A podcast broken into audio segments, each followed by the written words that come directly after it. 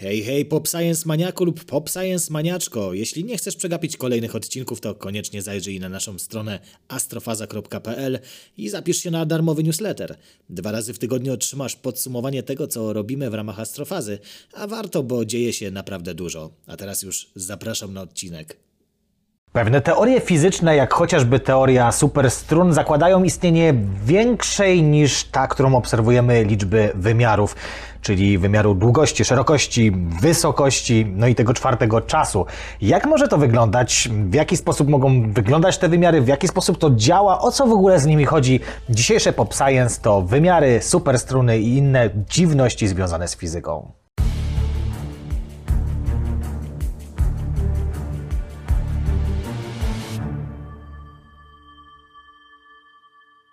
Dzisiaj o wymiarach, o różnych wymiarach, w wymiarze innego wymiaru, jak w Rick and Morty, ale też w wymiarach przestrzennych, bo to też jest bardzo ważne. Struny, nie struny, czyli te bardzo dziwne rejony i zakątki fizyki.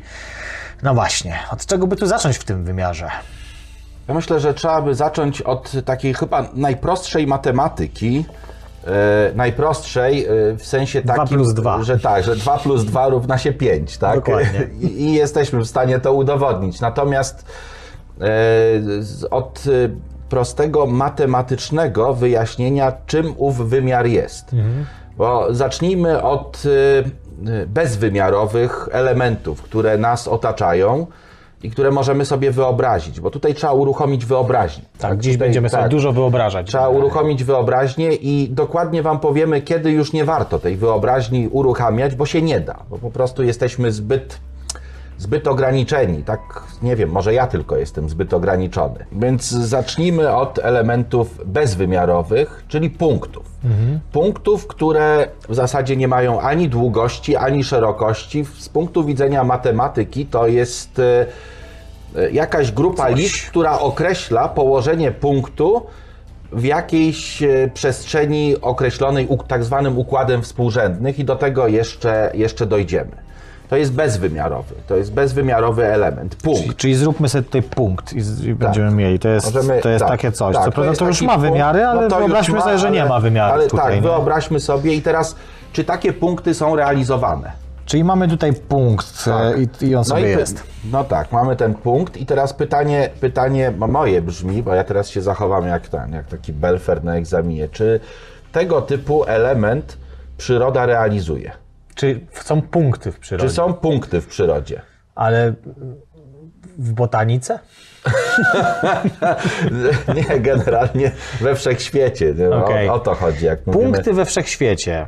Bo generalnie, Może cząstki to są punkty we wszechświecie. E, Właśnie no, dojdziemy chyba do tego, że, że, że nie są, że, że jednak nie są, że to Okej. są bardziej, że one mają więcej wymiarów niż moglibyśmy sobie wyobrażać. Przynajmniej taki jest opis e, tych, tych elementów.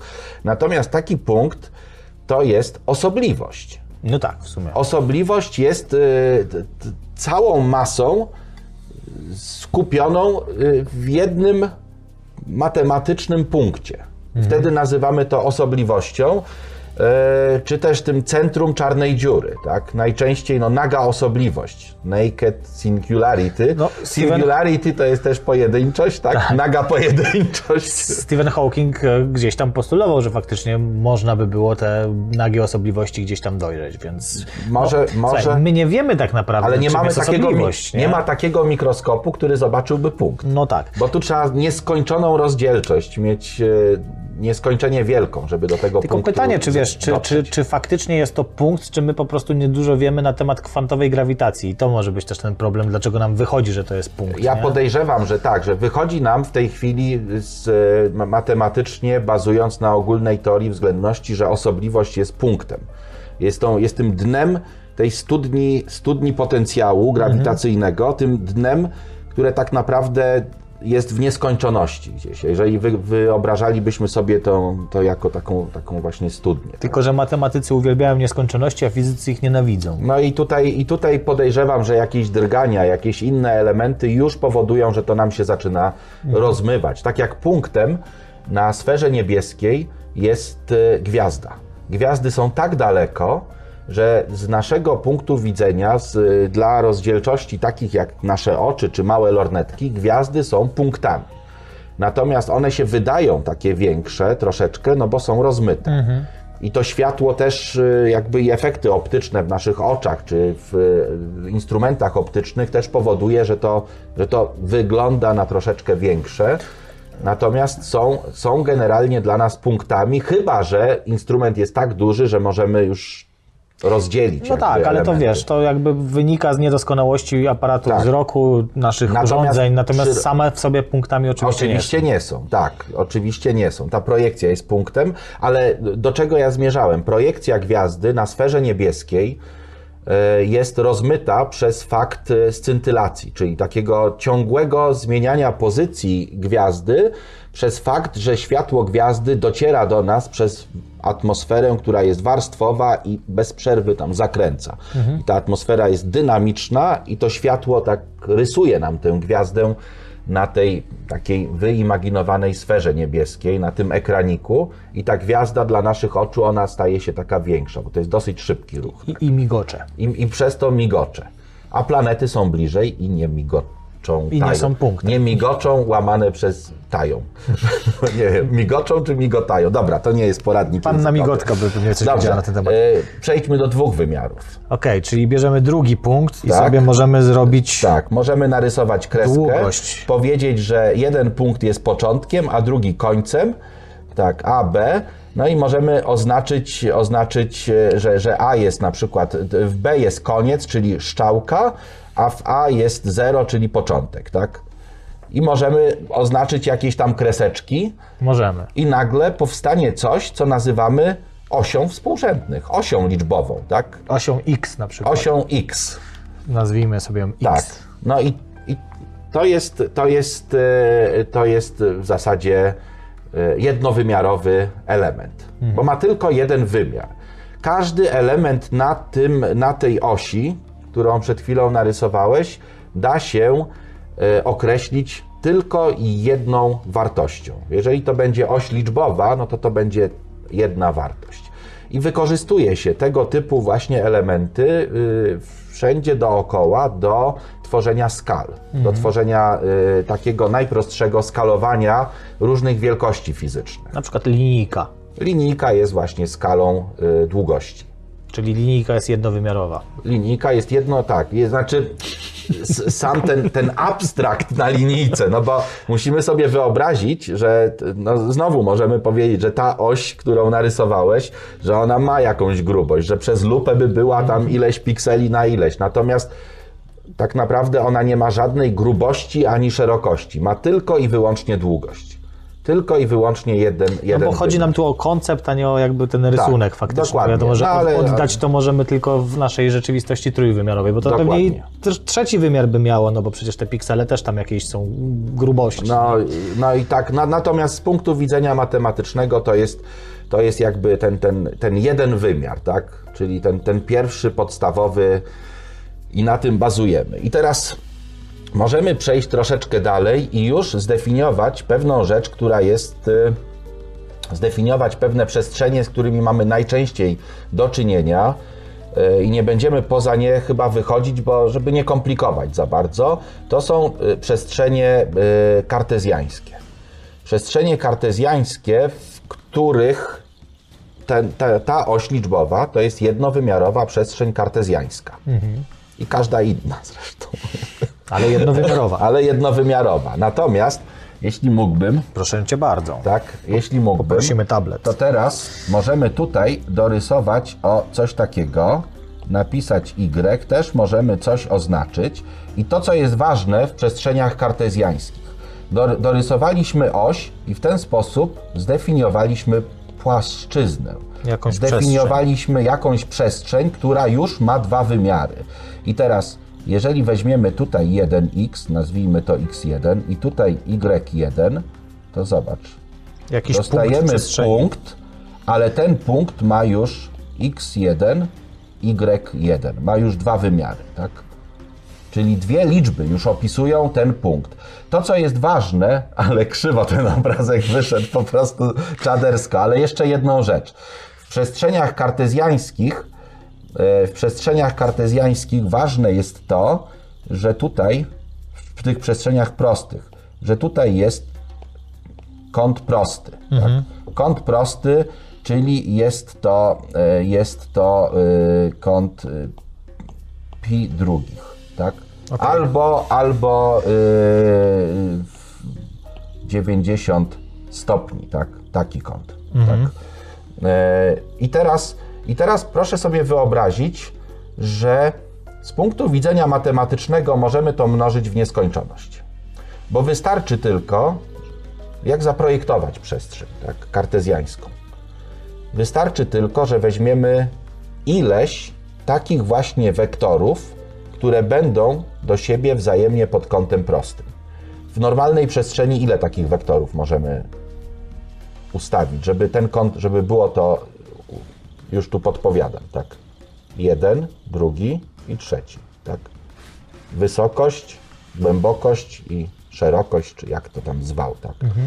Tutaj też możemy dołożyć Znaczy jeszcze w normalnej jeszcze przestrzeni jedno. mówisz, czyli w naszej w 3, normalnej 3D. trójwymiarowej, tak, Okej. takiej, jaką my, jak- jakiej my jakby żyjemy, jaką sobie wyobrażamy. To poczekaj, to zanim przejdziemy dalej i pójdziemy sobie w 3D, to co znamy i w wyższe wymiary, bo tam się dopiero zacznie, a pewnie i o płaszczaki za, za, za, zahaczymy, Zahaczymy będzie o tak. łatwiej będzie sobie wyobrazić te wyższe wymiary, to ja chciałem e, dosłownie momencik, e, żeby udać się w inny wymiar książek, bo to jednak jest pop science i mamy tutaj też książki. Tak. A mamy też po raz pierwszy e, sponsora odcinka, więc udajmy się w jego wymiar.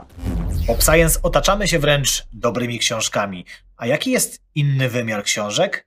Z jednej strony mamy e-booki, czyli książki cyfrowe.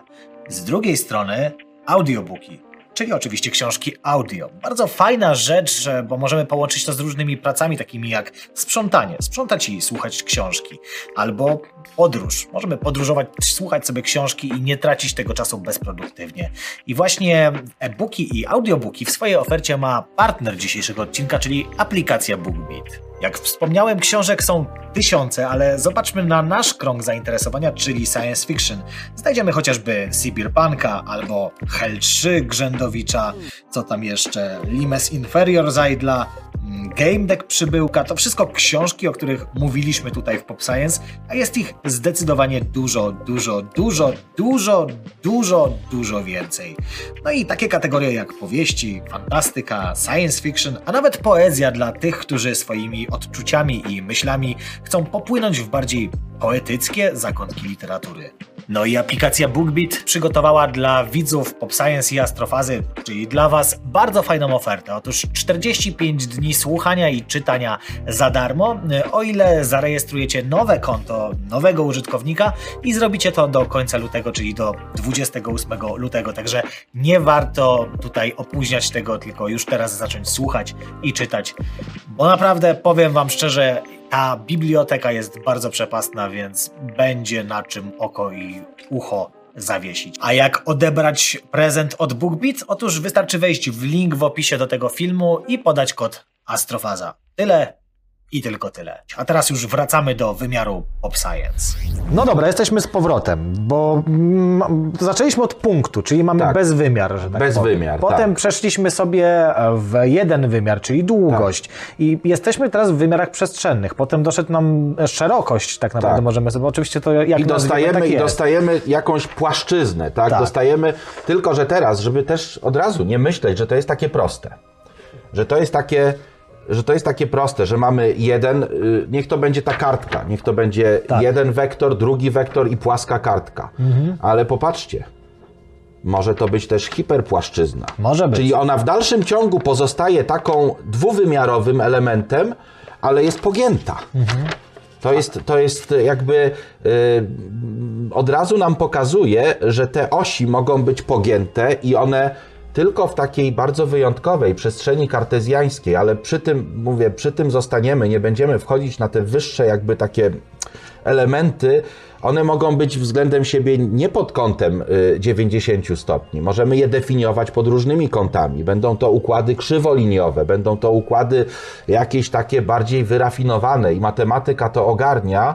Ale wiesz, będąc dwuwymiarową istotą, tego nie zobaczysz. Nie, nie. Musisz być w tym trzecim naszym wymiarze, żeby zobaczyć, że dwuwymiarowa przestrzeń jest na przykład poskręcana, nie? Ale ona jest, wiesz, ona jest y, Słuchaj, to od razu może bym jedną rzecz pokazał. Pokaż. Bo tutaj, ja nie wiem, czy to tutaj jest. Na pewno jest y, ten, na pewno jest. Ja tę płytę kiedyś już miałem, ale zabrałem ją, bo tu chyba w środku y, właśnie coś takiego. Stówka taka Czekaj. była. Tak? O, się śmiejesz. nie. tak tutaj, o, właśnie. Tutaj, Zaoferowałeś. zobacz, to jest, to jest takie, takie no, nieskończoność, ale tak naprawdę to jest, to jest jednowymiarowa y, przestrzeń, ale tak zdefiniowana. Dwuwymiarowa y. Znaczy, przepraszam, dwuwymiarowa, czyli taka, która ma tylko długość i, i szerokość, ale jest ona tak zdefiniowana, że możemy być po obu stronach. Taka podwójna wstęga To, Möbiusa. to jest wstęga Möbiusa. De, de facto tak, to jest wstęga Möbiusa. Każdy z Was może sobie wstęgę Möbiusa to, to, to, zrobić. jest, to jest fajne, bo patrzcie, jak zaczniemy sobie tutaj i będziemy jechać kreskę robić, to ona teraz nam zniknie tam z tyłu, poleci tutaj, nagle Tak, się tu pojawi tyłu, tu tutaj się pojawi, i tak. wrócimy do tego miejsca, więc mamy niby 3D, be- a be- 2D. Tak, że to, to jest y, bardzo, bardzo łatwo jest to zrobić. Wystarczy wyciąć, wystarczy wyciąć taki paseczek Tak. i skleić go, ale z takim twistem, z takim, Mhm. z takim tak przekręcić, tak, delikatnie. Ja się zastanawiam, czy to na pewno jest wstęga. Tak, jest, tylko ja po boku rysowałem. Tak, nie tak, no to jest tak, to jest taka Bo ona wstęga. jest zresztą jeszcze- ona jest zresztą t- ta płyta, ta płyta Sound of Contact, tak, y, Sound of Contact to jest zespół. Zresztą na stronie czwartej jest długi utwór, który się nazywa Möbius Sleep. Sen Möbiusa, nie, wstęga Möbiusa. E, Ale to, co chciałbym Wam tutaj polecić, bo ja tę płytę e, kupując byłem przekonany, że to jest e, muzyka elektroniczna, taki odlot elektroniczny, bo tak mnie przekonywał sprzedawca. Natomiast e, w domu, gdy położyłem ją na talerz, przekonałem się, że to jest naprawdę genialny rock progresywny. I dopiero później zobaczyłem, że producentem i jakby głównym muzykiem jest Simon Collins, Tak. syn y, tego pana Collinsa. Y, Phila. Phila, tak, Tak. Który, fi, który filuje, tak? I o tym już mówiliśmy, także Tak, nie tak. zagłębiajmy się Nie, dalej nie, ale płyta jest, Sok. płyta jest fajna i a propos, tak? Y, Dokładnie. So, sokowa płyta. No właśnie, Stęga Möbiusa to jest, to jest piękne przedstawienie właśnie tego, o czym tutaj mówiłeś, o, tym, o tej dwuwymiarowej przestrzeni, która w tym wyższym wymiarze może mieć inny kształt, że tak powiem, właśnie Mhm. może być poskręcana. E, co też może aplikować się dla wyższych rozmiarów, czyli dla trzeciego wymiaru, czyli dla naszej przestrzeni, no bo Tak. przecież my się zastanawiamy i rozmawialiśmy o tym w poprzednim odcinku, o granicach wszechświata, jak ten wszechświat może być poskręcany, jak on może być ułożony, czy my byśmy byli w stanie, mm, podróżując odpowiednio długo, wrócić do punktu wyjścia.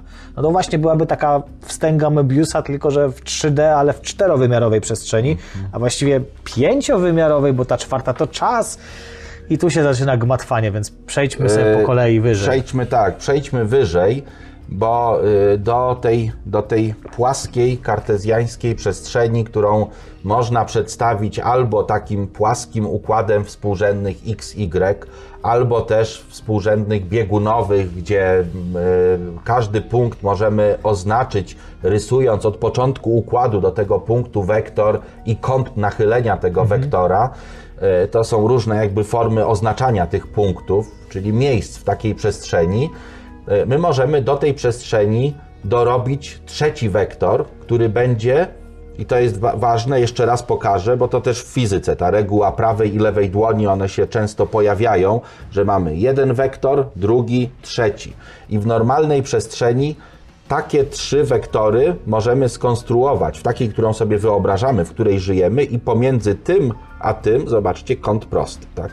Pomiędzy tym a tym kąt prosty. Pomiędzy tym a tym też kąt prosty. No, czyli mamy, mamy trzy jakby niezależne e, wektory Tak jakby tworzące... narożnik od sześcianu. Dokładnie, tak. Narożnik od czegokolwiek w pokoju jakimś takim, ale prostym. Takim, tak? I to będzie taka przestrzeń kartezjańska trójwymiarowa i też no, tam można jakieś, jakieś cuda robić, ale to jest ta przestrzeń, w której e, jakby nam przyszło żyć i z jaką nasze zmysły są za pan brat. No bo siedząc teraz na przykład w pokoju, Możecie spojrzeć w róg i widzicie wysokość, długość, szerokość tego pokoju. Czyli z rogu wychodzą pod kątami prostymi te osi współrzędnych. Tak? To ja Ci jeszcze to też zobrazuję tutaj innym, bo to fajnie można przedstawić. I zobacz, zaczęliśmy od punktu, nie? Tak. Oczywiście, no mówię, no ten, ten ma wiele wymiarów tutaj, ale załóżmy, że jest to bezwymiarowy No, punkt, jest to nie?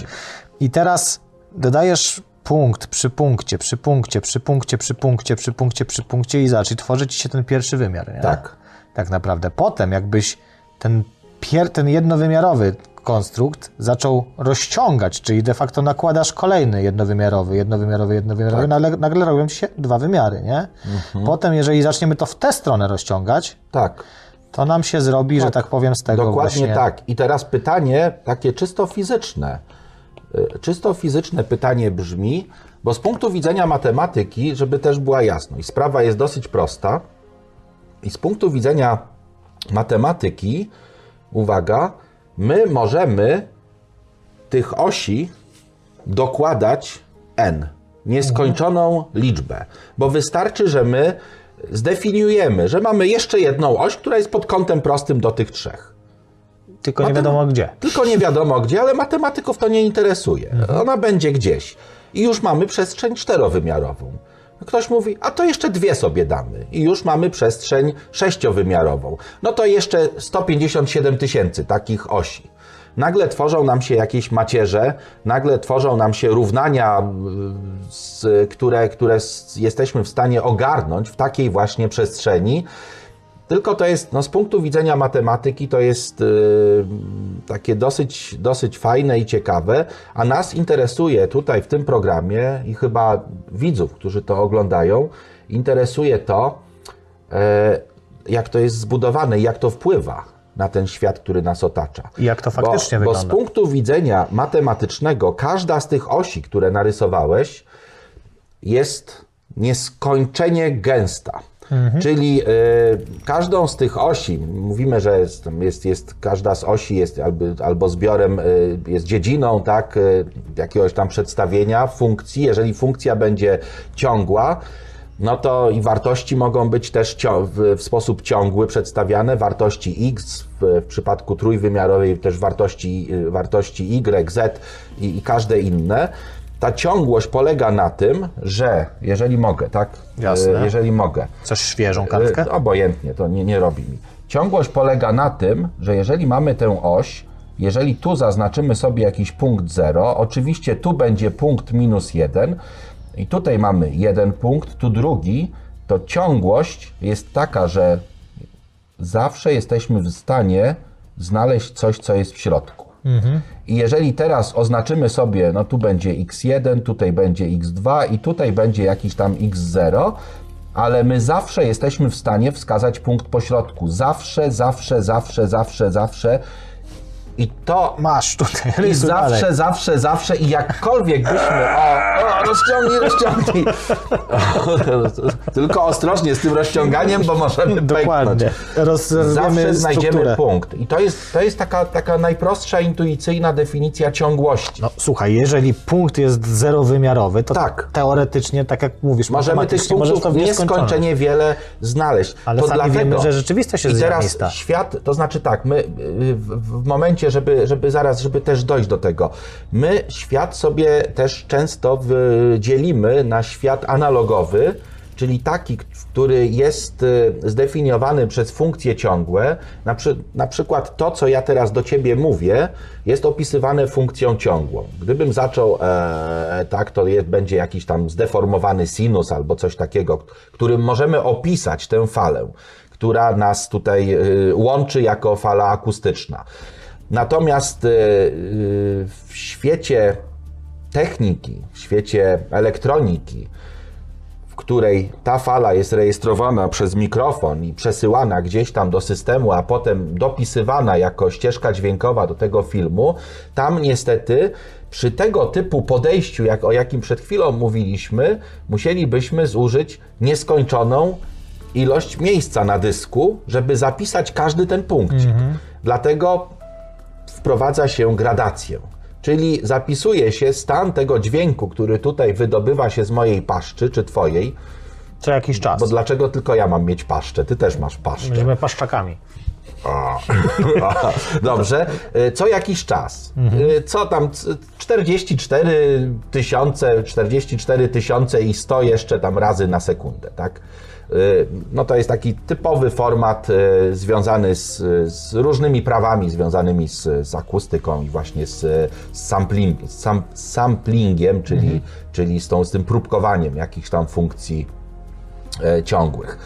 No i, i teraz, e, skoro już, już do tego doszliśmy, że nasz świat czasami opisuje się analogowo funkcjami ciągłymi, ale tak naprawdę my bardzo często sprowadzamy to do ziarnistości, to jak jest w rzeczywistości? Czy w rzeczywistości ta oś liczbowa, która jest y, na przykład związana z opisem e, i stosowaniem liczb rzeczy, rzeczywistych, gdzie, gdzie jest ciągłość, gdzie między dwiema liczbami zawsze znajdziemy jakąś tam, między 1 i 2 znajdziemy 1,5, a między 1,5 i 2 znajdziemy 1,75 i tak dalej, i tak dalej. E, Jak się do tego ma rzeczywistość? I to jest dopiero ciekawe.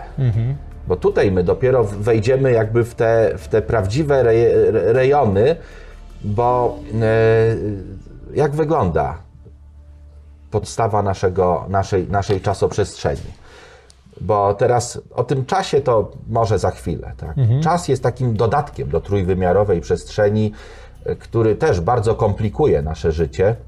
Ale jest na pewno wymiarem, wiesz, Jest, tutaj musimy tak, to. jest wymiarem, Musimy o nim jest na pewno wymiarem. powiedzieć, bo Tylko na razie ja bym się zatrzymał. Dobra, ja bo- bym się zatrzymał Powiem jeszcze. tylko, dlaczego to jest ważne, nie? Żeby, żeby zachęcić, bo, Tak. bo potem im więcej tych wymiarów jest, tym widzimy tak naprawdę w pewien sposób powtarzalność.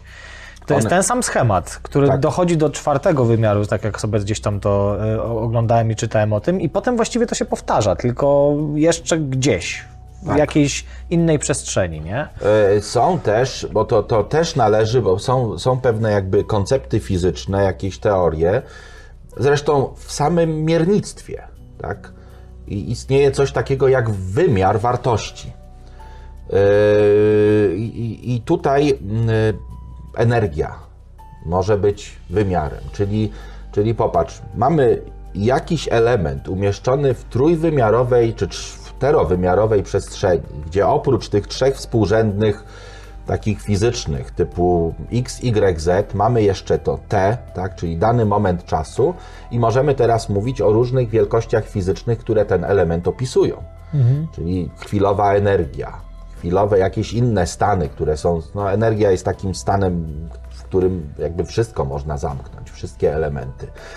E, I, I tutaj e, pewne wielkości fizyczne mogą odgrywać rolę wymiaru, chociaż z punktu widzenia znowu tej kreacji samej przestrzeni, bo my tutaj tak, z jednej strony mówimy o przestrzeni, którą zapełniamy, a z drugiej strony o kształcie przestrzeni i o tym, jaka jest ta przestrzeń.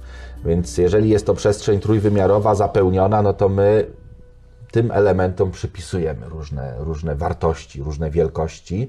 E, Te wielkości są opisywane e, w metrologii. E, I w metrologii, której częścią jest miernictwo, mamy jakieś tam wielkości. Mamy oczywiście wielkości przestrzenne, długość, szerokość, wysokość, które mierzone są w jednostkach nazywanych metrami. No i ten metr jest podzielony na centymetry i tak dalej, i tak dalej, aż do jakichś tam bardzo małych wielkości. E, Mamy wielkość, którą y, definiujemy czas. Tą, tą podstawową jednostką czasu w układzie obowiązującym obecnie w układzie SI, ale wcześniej w układzie centymetr, gram, sekunda, to, był oczywiście, to była oczywiście sekunda. Y, Gdzieś tam w jakichś odcinkach wyjaśniamy, tak, gdy mówimy o czasie, jak to wygląda, gdy mówimy o innych rzeczach. Natomiast dobrze, mamy te, te trzy wymiary określane metrem, tą sekundę. No i teraz wracamy do tego pytania. Czy da się sekundę podzielić w nieskończoność? Czy da się ten metr dzielić tak jak tę oś matematyczną, oś liczb rzeczywistych, czy da się dzielić w nieskończoność? I tutaj pan Planck przychodzi nam z pomocą. Pan Planck. To jak plankton zabrzmiało, pan plankton. Pan a, Planck. A plankton jest taki malutki. No może stąd też widzisz jakieś A on się- zainteresowanie on się tak. Generalnie pan Planck zajmował się skrajnościami, można powiedzieć. Tak. Zastanawiało go to, znaczy no nie tylko oczywiście, ale, ale to jest chyba tak jak się e, zapyta ludzi, to najwięcej pewnie znać go będzie właśnie z takich skrajnych jakichś różnych e, rzeczy, jak skrajna Znaczy- energia, Znaczy ja to, ja to cały czas e, powtarzałem, już jesteśmy e, po nowym, po nowym roku. Tak, jest E, drugi, drugi stycznia, Jest 2 stycznia, znaczy 2 stycznia dla Was, a dla nas nie. a dla nas nie, bo my, bo my jesteśmy w innej jesteśmy- przestrzeni. Tak, w innym czasie i innej przestrzeni. Nasz czas własny płynie w zupełnie innych kierunkach i w ogóle, także nie, nie, nie martwcie się, że się rozmijamy, tak? Nie martwcie się, jeżeli się rozmijamy troszeczkę. Otóż to. Natomiast y, y, y, na przyszły rok zapiszcie to sobie w kalendarzu. Ja to powtarzam zawsze i studentom też. No, tak zrobię sobie z nich troszeczkę tak. nie- Podworujesz sobie. Nie, dworuję. Nie, nie, staram się ich tak uświadomić, może fizycznie, o tak, Okej. żeby, żeby było poważnie. Najważniejsza data w historii fizyki, no było ich kilka. Y, No, nie wiem, 27 grudnia urodził się Kepler, nie? No to, no ale to zostawmy, nie? Kepler tam te planety jakoś To opisał. wczoraj się urodził. Wczoraj, tak, dla z naszego dzisiaj, wczoraj były urodziny Keplera. W 1500, nie wiem, 60 którymś, czy nie pamiętam.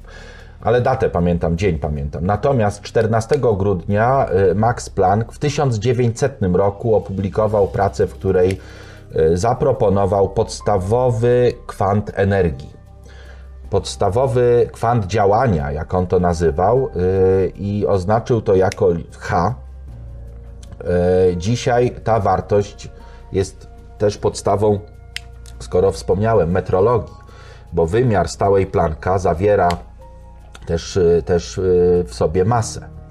Więc my dzisiaj kilogram określamy już nie poprzez jakiś tam kawałeczek metalu, który jest w Sewr pod Paryżem, schowany w takich tam kloszach, tylko masa jest zdefiniowana poprzez stałą Plancka. I ta stała Plancka z kolei, łącznie z dwiema kolejnymi stałymi, które są horrendalne i ważne, i tutaj y, trzeba, trzeba o tym jakby powiedzieć, tak? bo to, to jakby też zdefiniuje nam y, tę ziarnistość, tą, na, na dzień dzisiejszy, ziarnistość naszego wszechświata. To jest stała grawitacyjna, oznaczana jako duże G, 6,67 razy 10 do 11 i tam czegoś, poszukacie sobie. W komentarzach napiszcie czego. Znajdźcie. Czy 6,62, Jezu, nie pamiętam. O kurczę, o, nie, Dorian nie w- sprawdzi i I, napisze. I wrzuci, tak. Dokładnie. E, To jest, to jest ta wielkość, któ- która związana jest z, jakby z wszechświatem, z, z wielkoskalowym. Stała planka, ona definiuje nam najmniejsze możliwości, najmniejsze jakby elementy y, w naszym wszechświecie. Jest związana z tym światem kwantowym. A pomiędzy nimi jest łącznik, czyli prędkość światła w próżni, która też na dzień dzisiejszy wydaje się być wielkością stałą. I y, tak jak na początku różne y, kwestie związane z dokładnością pomiarów nawet sugerowały, że jest jakaś zmienność, tak? No to dzisiaj wiemy, że to wszystko jest, y, jest stałe i zakładamy, że wszechświat jest jednorodny i izotropowy, a prawa fizyki zgodnie z zasadą kopernikańską są takie same w całym wszechświecie. Czyli y, te podstawowe trzy stałe są takie same w całym wszechświecie. Stała grawitacyjna, stała planka i prędkość światła w próżni, zdefiniowana przez y, prawa Maxwella. Pan Planck, wiedząc o tym, wziął te trzy wielkości i zaczął tak kombinować, bo te trzy wielkości mają swoje wymiary, czyli tam y, y, przy wartości, która je definiuje, jest jeszcze kilogramometr na sekundę kwadrat, czy cokolwiek innego. Tak? To jest wymiar, czyli to, z czego ona się składa. E, I tak zaczął kombinować, żeby ostatecznie po przeliczeniu wyszło coś, co będzie można podać w metrach, że wszystkie wymiary się skrócą, wszystkie te kilogramy się skrócą, skrócą się sekundy, zostanie metr. Albo skrócą się metry i kilogramy i zostanie sekunda, albo zostanie kilogram, tak? Albo zostanie kilogram na sekundę, czy cokolwiek. Czyli chciał uzyskać najmniejszą możliwą odległość, najmniejszą możliwą masę, najmniejszą możliwą jednostkę energii. Tak, to i najmniejszą możliwą, najmniejszy możliwy czas. I y, uzyskaliśmy coś, co dzisiaj określamy jako parametry Plancka, czy, czy wielkości Plancka. I tam wyszło, że ten czas Plancka to jest niesłychanie mała wartość. To jest 10 do potęgi minus 44, chyba. 43 sekundy. Ileś razy 10 do minus 43 sekundy to jest bardzo mało.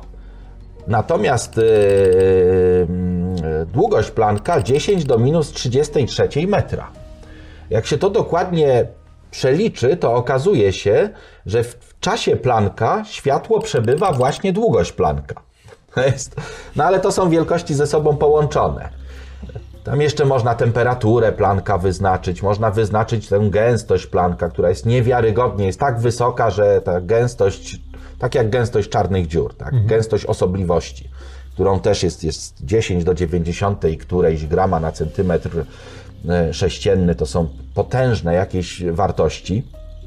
W każdym razie na dziś nie ma wielkości mniejszych. I to jest, to jest ta ziarnistość wszechświata. I to jest prawdopodobnie. To, to są piksele czasoprzestrzeni. Czyli ta długość Plancka i czas Plancka. I teraz możemy wrócić znowu do naszej przestrzeni i na chwilkę ten czas, pokazać jak ten czas działa. Ten czas, chyba najprostszą. Ja mam tu kilka kartek. Okej. I teraz wyobraźmy sobie, że każda z tych kartek to jest nie tylko wysokość, nie tylko długość, ale też głębokość. Że to jest taka kartka. Mhm. masz tutaj taką tak, kartkę. O, o no, do, no to mam taką kartkę, tak? Tylko, że to teraz, yy, no to jest taka kartka. A tu masz drugą. A tu mam drugą. Tylko wyobraźcie sobie, że to takie same są. Że to są takie same kartki.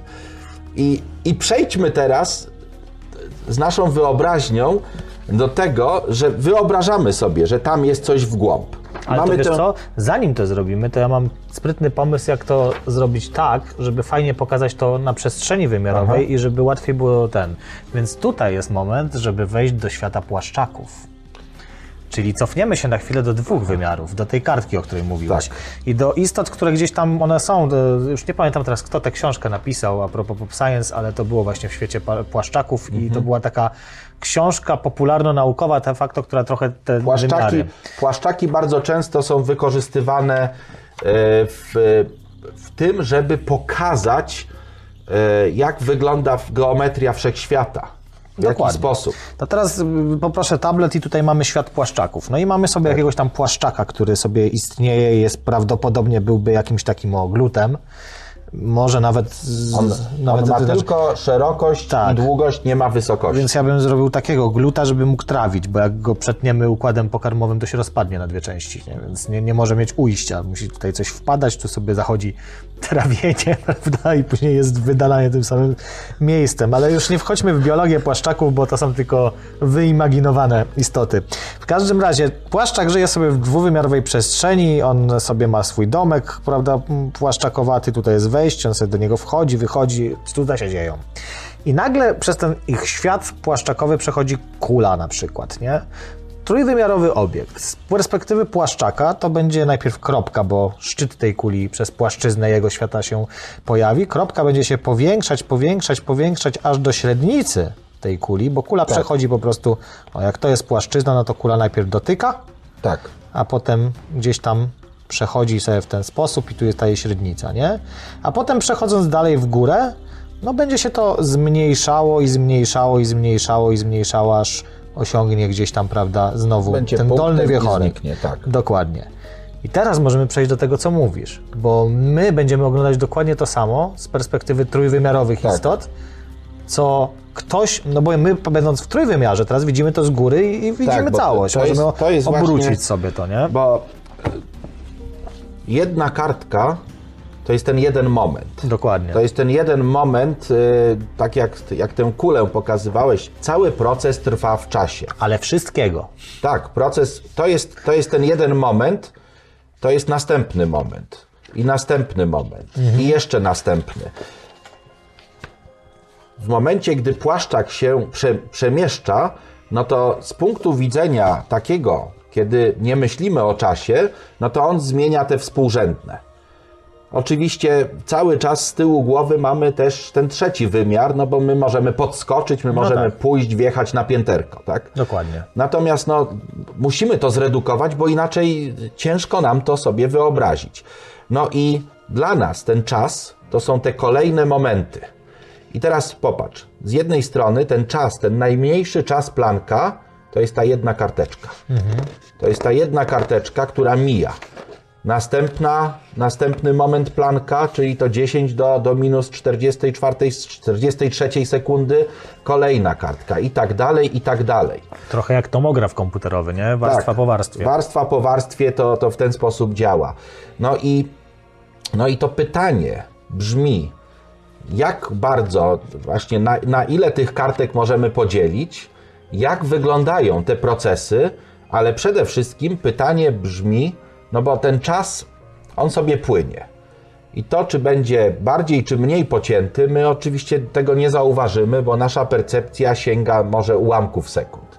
Nasze najdoskonalsze przyrządy pomiarowe to jest, y, proszę zauważyć, y, nie wiem, jedna miliardowo, miliardowo, miliardowa sekundy. Tak? To jest gdzieś mniej więcej, mniej, milio, nie, jedna milionowo, milionowo, milion to jest 10 do, minu, do, do 6, tak? czyli jedna milionowa 10 do minus 6, do minus 6 do minus 6, czyli yy, wychodzi yy, nie, jedna miliardowo, miliardowa. O, 10 do minus 18. I koniec. To jest dokładność, dokładność obecnie y, y, tak zwanych zegarów atomowych, optycznych, fontan optycznych, które jest jedna y, zainstalowana w PCSS-ie w Poznaniu, inna jest zainstalowana w Borówcu, w Obserwatorium y, Polskiej Akademii Nauk. Y, Tam też jest jedna ze stacji LOFAR-u. I robiliśmy o tym odcinek, więc poszukajcie sobie, jak chcecie Tak. wiedzieć, co to jest e, fontanna optyczna. Tak, więc, więc to, są, to są tego rodzaju dokładności. E, Taki czas teraz właśnie w Polsce też jest, jest projekt realizowany, gdzie taki, tak dokładny czas jest wstrzykiwany do internetu. Oczywiście nie każdy będzie mógł w swoim komputerze tak, tak dokładny czas uzyskać, bo trzeba mieć u siebie w domu zegar wodorowy, żeby to wszystko o, Słuchaj, ogarnąć. nie takie rzeczy się robiło. Natomiast jest ten inny problem, bo te płaszczaki żyją w tej przestrzeni XY i problem jest taki, że ta oś X jest podzielona na elementy, które są y, tymi odległość między jednym, jedną kreseczką, a drugą to jest ta odległość planka. I w X, i w Y, i w Z. Tak? Jeżeli rozszerzymy to na trzeci wymiar. No tak, to tak jakbyśmy sobie wyobrazili teraz- taką kostkę, wiesz, złożoną z malusieńkich kostek. I, I to jest ta teraz, przestrzeń I teraz właśnie, jeżeli 10 do minus 18 to jest nasz kres, jeśli chodzi o odległości, to dużo, dużo jakby wyższe wartości. 10 do minus 12, tak, jakieś, jakieś pikometry, tak, no, mamy w komputerach te, te struktury, które są, y, nie wiem, w tej chwili kilka nano, tak, to są odległości ścieżek w tych procesorach w środku. Takie jesteśmy w stanie elementy budować. Jesteśmy w stanie mikroskopami optycznymi obejrzeć jakieś tam struktury atomowe wręcz, ale atomy mają rozmiary 10 do y, minus 10 metra. 10 do minus 14 metra to jest jądro atomowe. A my jesteśmy na poziomie 10 do minus 30 metra, czyli jeszcze o, zobacz, 20 rzędów wielkości. To jest, to jest tak mała wartość. No i pytanie brzmi, jak tam jest? Jak to wygląda? I co, mamy na ten temat jakiekolwiek hipotezy, czy mózg Tak. jest rozpłaszczony? Tak Mamy, powiem? mamy pewne hipotezy. Te hipotezy są jakby y, czystą fantastyką, tak? Są czystą fantastyką, dlatego że są absolutnie niesprawdzalne, bo my nigdy nie zbudujemy mikroskopu. My jedynie możemy budować najpierw hipotezy, a potem na ich bazie jakieś teorie, takie dosyć y, rozsądnie działające matematycznie, które pokażą nam, że z tego modelu może wyrosnąć coś, co opisuje już to, co jesteśmy w stanie ogarnąć. Tu warto powiedzieć, dlaczego mówisz, że nigdy y, z taką pewnością y, nasze wszystkie możliwości detekcji polegają na uderzaniu de facto cząstką w cząstkę. Tak. A nie ma tak małych cząstek. Tak, a my, a my jesteśmy, tak, my jesteśmy na etapie, znaczy na, na poziomie miejsca, gdzie, gdzie w zasadzie jest tylko jakaś, jakiś matematyczny konstrukt, który my sobie wyobrażamy, wyobrażamy sobie, że on jakoś wygląda. Gdzie y, mamy do czynienia nie z punktami, ale z obiektami tak małymi, y, że one stanowią dla nas ten układ odniesienia, ten A układ może współrzędny. mikroskop strunowy? Mikroskop strun. A, A. a. To nie mówmy nigdy, który bo będzie nam głupio. Tak. Jeszcze- Jeżeli je- jeszcze, jeszcze kurczę, nie, nie, nie daj Bóg, wymyślą nieśmiertelność i będzie nam głupio. No tak. Później nam powiedzą, a wy tam 12 tysięcy lat temu powiedzieliście, że nigdy nie będzie, a tu proszę Mikroskop bardzo. strunowy. Ja nawet mam dla niego nazwę. Strunoskop. Nie, Gitarra. Niech tak będzie. Słuchaj, to zanim przejdziemy, bo tu będzie ból głowy, Bo to, może, to może spopujemy. S, dobrze. To jakieś tam książeczki. Y, Mówimy generalnie o przestrzeni, o różnych wymiarach. O, zacznę może od tego, od takiej, takiej y, jakby to powiedzieć, autoreklamy. Bo po pierwsze, ja zawsze ten, jak, jak nowy Sfinks się pojawi. A to zostaw Sfinksa potem, bo ja, Na będę, potem? bo ja będę mówił później, co trzeba zrobić, żeby tego Sfinksa, wiesz, muszę pomyśleć dobra, najpierw. Dobrze, no to pomyśl. No. no to pokażę coś, czego nigdy nikt nie dostanie. Jak miło. pokażę coś, co nie jest niestety w sprzedaży. To jest coś, y, y, ja, ja dostaję numery tego, bo mam zaprzyjaźnionych, to jest, to jest, y, Jakiś fanfic to tak, to jest taki, taki Fanzim. zobacz, fanzim, który już jest y, 93-94 numery, bo jest numer podwójny, to jest widok z wysokiego zamku Ubika, Dika znamy, tak? E, wysoki zamek to jest e, raz, że tam się pojawia, e, jest ten człowiek z wysokiego zamku, tak? Ten wysoki zamek to jest też do Lema może nawiązanie, ale tak naprawdę tutaj e, klub fantastyki, który to wydaje, nazywa się Ubik. To jest, to jest y, logo, które zostało przez ten klub fantastyki z Białego Stoku zaprojektowane i wykorzystane podstępnie w jednym z wydań właśnie książki Ubik. Natomiast dlaczego o tym mówię? Dlatego, że yy, a redaktorzy wiesz jak się nazywają? Jak się Nie wiem. podpisują? Bycze karki Dika. Czempiony Dika. Czempiony Dika. W tym, w tym akurat, e, ja tutaj pisuję też felietony do tego, do tego właśnie z, udzielam się, udzielam się mm, e, społecznie, e, żeby pomóc, bo to jest, to jest piękne. I tutaj pojawiło się e, moje opowiadanie. Okej, dajesz. Tak, opowiadanie czysto fantastyczne. Rezydua. I naukowe, bardzo naukowe. Pokaż. Tak naukowe, że y, musiałem wyjaśnić tam na dole, y, po- co to są rezydua. Gwiazda neutronowa świeci w sposób dziwny, kontynuował. Zdominowana przez pole magnetyczne przestrzeń pozwala, by naładowane cząstki, a razem z nimi energia uciekały tylko z obszarów biegunów magnetycznych. Jeśli więc oś pola magnetycznego oddalona jest nieco od osi obrotu, dostajemy coś, co przypomina latarnię morską. Wyciągnął ręce i zrobił efektowny piruet. To być może, być może ja. Oj, uważaj, uważaj, bo ten piruet zaraz rozwali stół. Jak sobie to wyobrażam. Ale ten, być może, bo to opowiadanie pewnie wejdzie w skład jakiegoś takiego większ, wię- większej grupy, ale na razie nic nie będziemy mówić. E, Jeśli chodzi o kwestię wymiarów, to y, tej książki jeszcze nie było, ale, ale był pierwszy tom. Pierwszy tom i też był chyba drugi, Ciemny Las. Cixin Liu. Sishen Liu, czyli Liu Sishen tak naprawdę. Koniec śmierci. To jest ostatni tom tej trylogii, e, tej trylogii zapoczątkowanej przez problem trzech ciał. I tutaj, słuchajcie, yy, ciemny las pokazał nam, żeby się nie wychylać. Bo jak będziemy się wychylać, to może kogoś to zdenerwować.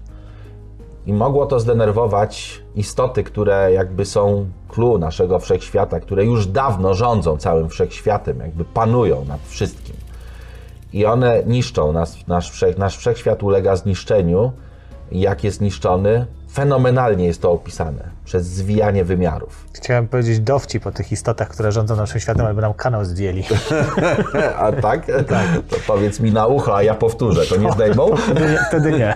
Bardzo, bardzo polecam. Dla tych, którzy. Znaczy, oczywiście, żeby czytać Koniec Śmierci, to jest taki no, najbardziej opasły tom z, tej, z, tych, z tych wszystkich. E, Tutaj e, Barack Obama, były prezydent USA o problemie trzech ciał, imponująco rozmachem ucieczka, ale ja mu nie ufam. No, powiedziałeś na tym jego głosem, dobra. To, to, tak? To, Tak. Mówiłem, No mówiłem. dobra, ale to co, tu są jakieś inne wymiary, czy, czy Tak, w jaki sposób? nie, tu jest no? zwijanie wymiarów. Tutaj O. wszechświat staje się najpierw O. dwuwymiarowy, potem, wiesz, to, to jest tak fenomenalnie opisane, że po prostu głowa boli od tego. Do tych Proszę książek trzeba mieć y, świetną wyobraźnię i naprawdę, jak zaczniecie, jak zaczniecie problem trzech ciał Lucy Shena, to, y, to jest. y, dojdziecie na pewno do tej książki. Jest jeszcze jedna, która jest takim jakby uzupełnieniem tylko tej całej trylogii. E, Jest to, jest to bardzo dobra trylogia i, i To świetnie, że mówisz o zwijaniu ciał, bo właściwie Zwijaniu zwijaniu, wymiarów, wymiarów. przepraszam, bo właśnie trochę przechodzimy w tym kierunku. tak, no bo, Bo to jest. mamy to jest, ten czas, to, to, to może, tylko ja, ja, mi brakuje jednej rzeczy tylko, nie? Żeby, Tak. żeby podsumować troszeczkę ten czterowymiarowy nasz Dobrze. wszechświat, y, gdzie czwartym wymiarem jest czas, bo, bo, bo właśnie tu często zachodzi jakaś taka dezinformacja troszkę, e, pomyłki i tak dalej, że nie rozdzielamy trochę tych wymiarów czasowych od przestrzennych. Mhm. Co zresztą w czarnej dziurze się potrafią wymienić, że tak powiem, miejscami, Tak. ale e, mamy te trzy wymiary przestrzenne i ten jeden wymiar czasowy. I to jest taka nasza czasoprzestrzeń, to nasza rzeczywistość, w której my, my istniejemy. I podobnie jak z płaszczakami, gdzie my, jako obiekt trójwymiarowy, istota trójwymiarowa, moglibyśmy tę ich przestrzeń wziąć, przekręcić sobie i obejrzeć z każdej strony. Dokładnie jak te dwuwymiarowe przestrzenie, o których mówiłeś na początku. no bierzemy kartkę No i, rozwijamy. I płaszczak- Dla nich to jest cały świat, a dla nas to jest tylko. I, I widzimy, jak hiper- ten hiper- kubek z boku, widzimy, jak on Tak. tam przechodzi, prawda, przez, Tak. przez to, nie? Więc tutaj zrobimy dokładnie to samo. Weźmiemy sobie istotę pięciowymiarową, no bo ten czas jest tym czwartym, a być może jest i więcej tych wymiarów Tak. czasowych, bo i, bo i takie są koncepcje. No ale powiedzmy ta czterowymiarowo przestrzenna istota lub też w piątym wymiarze, jeżeli sobie to będziemy liniowo gdzieś tam traktować. To teraz weźmy tablet i, i zobacz, jakby to śmiesznie wyglądało. Patrzysz na całe życie takiego Leszka, czy takiego Piotrka Mhm. tutaj i widzisz najpierw tą te dwie komórki, które się, znaczy ta komórka właściwie, Tak. ta gameta, która się połączyła, Zygota, tak? To już jest więcej. to już później, komórek. nie? O, później masz gdzieś tam kolejne, później masz tego tam, prawda, takiego tego, później masz to dziecko, które tam już z rączkami nie, nie umiem rysować. Potem masz już takiego chłopca, potem masz kogoś tam większego, potem coś tam, potem coś tam się dzieje i potem się już garbi, bo starość nadchodzi. Na końcu, nie wiem, trumnę sobie tutaj postawmy, prawda? Tak. I zobacz, to jest... Dla nas to są właśnie te, te, te, te ziarniste fragmenty. To my są my te- widzimy tylko to jeden są te moment. nie? trójwymiarowe kartki. Dokładnie. Ale ktoś będący w wyższym wymiarze będzie to widział jak takiego osobliwego gluta, wiesz, nie? Dla niego on będzie mógł zobaczyć Ale całość mo- możemy zrobić, jeżeli, jeżeli mogę, bo, Oczywiście. bo robi się takie, takie rzeczy, tak? Bo teraz popatrz, y, to jest nasze tu i teraz. Tak. tak? Czas płynie y, stąd w tę stronę, tak? Mhm. I y, wprowadza się pewne abstrakty, takie, żeby opisać, zwijając nieco przestrzenie, żeby łatwiej było to sobie wyobrazić. My stąd możemy oczywiście pójść tu, ale możemy pójść co najwyżej tu, bo żeby pójść niejako, zobacz, ten czas cały czas płynie, a nasza prędkość jest ograniczona. Więc maksymalnie, jeżeli będziemy się poruszać prawie że z prędkością światła, to oddalimy się i teraz zobacz, tutaj płynie czas, a całą przestrzeń my sobie rysujemy jako jedną oś. Możemy pójść też w drugą stronę. Oczywiście to jest, jeżeli byśmy dorysowali jeszcze jedną oś, to by wyszedł nam taki stożek. Tak. Przyszliśmy stąd. Też jest taki stożek. Tutaj możemy tę, tę, tę X i Y sobie wyobrazić. To jest taka płaszczy, ta płaszczyzna, która, która przy, y, jakby wędruje cały czas w czasie. Tego typu wyobrażenie nazywa się, nazywamy przestrzeniami Minkowskiego. I tak naprawdę w takich przestrzeniach jest ta nasza droga. My możemy stać w miejscu, czyli tylko czas płynie, my możemy gdzieś sobie pójść, możemy zawrócić, możemy. I to jest coś, co nazywa się linią naszego życia. Linią. Tylko, tylko ta zależy, to, to pokaż chwilkę, tylko ta zależy od prędkości, nie? Tak, oczywiście. Bo jak właśnie tak jak powiedziałeś, jak będziesz stał w miejscu, to po prostu będziesz podróżował tylko w jednej osi. No powiedzmy, Tak. że tam będziesz, no jakby z grubsza będziesz podróżował w jednej osi, czyli tylko po linii czasu. Tylko nie? po linii czasu. Linia przestrzeni, no to tak jak mówisz, im szybciej mm, się podróżuje, znaczy prędkość światła to będzie gdzieś tu. No będzie, no tak. gdybyś to- ją przekroczył, to byś się zaczął w czasie cofać, nie? Więc tu będziesz miał prędkość światła, a im szybsza będzie, tym bardziej faktycznie będziesz gdzieś tam się poruszał w tę stronę. A Tak. jak będziesz zwalniał, no to oczywiście. Dokładnie o to chodzi. tę stronę. Ale to co, jest, to, co jest teraz najważniejsze w tym wszystkim. Mhm. Zobacz, bo tu jesteś ty. Nie? Tu jesteś ty. e, A teraz tu jestem, tu jestem ja. Nie? I tu o, zetknęliśmy się w Płocku. Ja sobie poszedłem, o, znowu jesteśmy w Mhm, studiu. I widzisz, i to jest tak, że my w- się spotykamy, tak? Spotykamy się ze względu na naszą jakby z gruntu ograniczoną prędkość i to, że ten czas y, jakby nie jest taki ziarnisty, że ta prędkość nie sprawia, że my tracimy jakby z sobą kontakt. Natomiast możemy sobie wyobrazić y, w tej przestrzeni i matematycznie jest to dosyć proste do pokazania, że y, rycerz spod Grunwaldu i my w takiej przestrzeni możemy tak się poruszać, że się spotkamy. Bo on nagle może zacząć poruszać się z prędkością światła, ja będę stał w miejscu i bach, i jesteśmy, tak? On poleci, wróci i jest w tym samym punkcie, w którym ja jestem. Dla niego upłynęły dwa dni, dla mnie w zasadzie, no, ja się urodziłem długo po tym, zanim on się urodził. Dlatego Czy ciężko byłoby się spotkać, ale mógłbyś być w takim miejscu z taką prędkością lecieć, że na tym układzie współrzędnym tak, że się spotkamy gdzie tak, teoretycznie gdzieś. bylibyście w tym samym miejscu. To Tak. zresztą z Draganem właśnie w tej serii o e, teorii względności e, o tym też rozmawialiśmy, że możesz poniekąd w od- odpowiednim kierunku i z odpowiednią prędkością, bliską prędkości światła podróżując, nagle znaleźć się w miejscu, gdzie Elvis wciąż żyje. Ale ty nie spotkasz Elvisa, bo jakbyś chciał do niego dolecieć, to znów się nam rozjadą, że tak powiem, te wszystkie A wiesz, że, wiesz, że jest. ym, Musiałbyś co podróżować w Beverly czasie, Hills jest taka willa ukryta, Gdzie Elvis w żyje. której żyje Elvis, Michael Jackson, Prince i David Bowie grają w brydża albo nie. Albo koncerty, dżemy. Dżemy robią, tak, przetwory. Robią dżemy ze śliwek, tak. No dobra, lećmy dalej. To już wiemy mniej więcej, jak to wygląda i w końcu jesteśmy gotowi, żeby zajrzeć, Tak. że tak powiem, tam, gdzie lekarz nawet nie zagląda.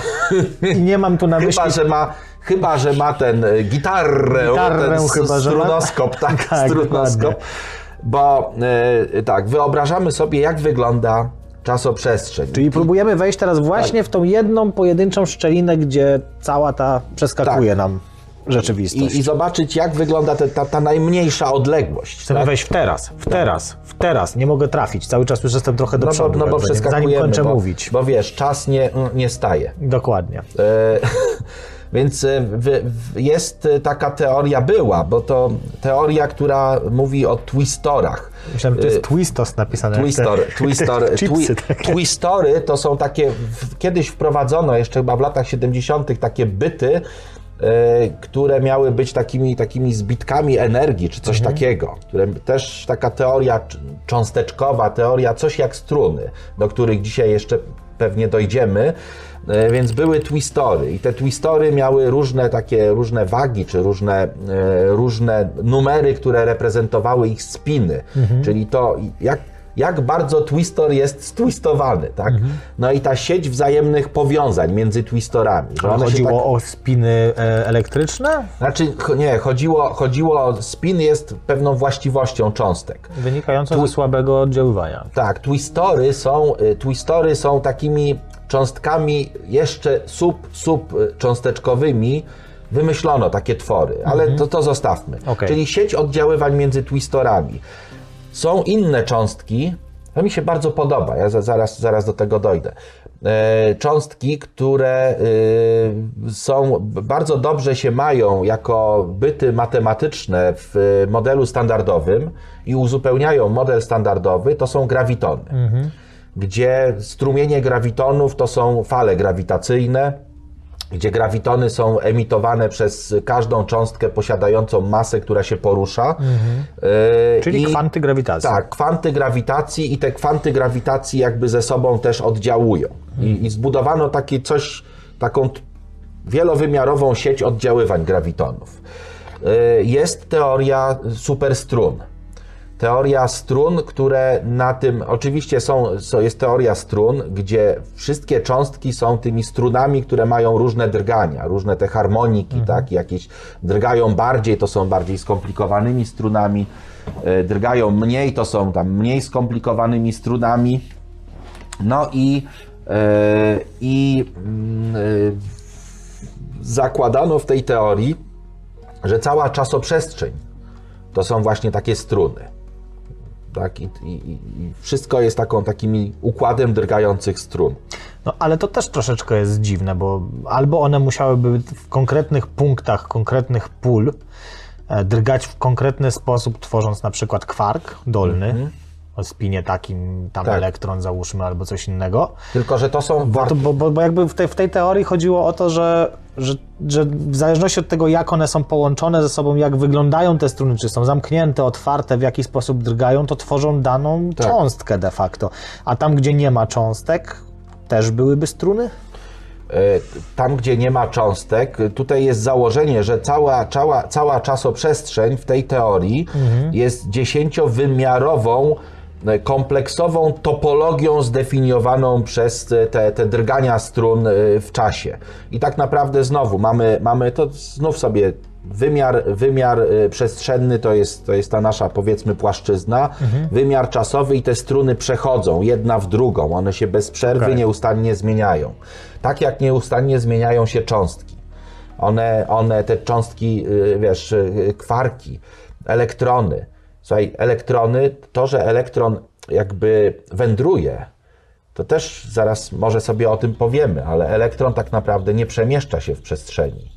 Elektron to jest, to jest jakby zmiana, zmiana stanu. Elektron nieustannie anihiluje i przechodzi w energię, która materializuje się jako elektron, czyli to jest takie, takie skokowe, tak? takie, No to takie skokowe to samo, co we wnętrzu takiego protonu Tak. chociażby, gdzie te kwarki masz Natomiast- niby dolny, górny i tak dalej, ale tam to wszystko buzuje, co chwila pojawiają się Natomiast, wirtualne wiesz cząstki. co, dla mnie najfajniejsze, ja o tym już mówiłem i ja się tego trzymam, bo to jest jako, jako człowiek o pewnej takiej wyobraźni yy,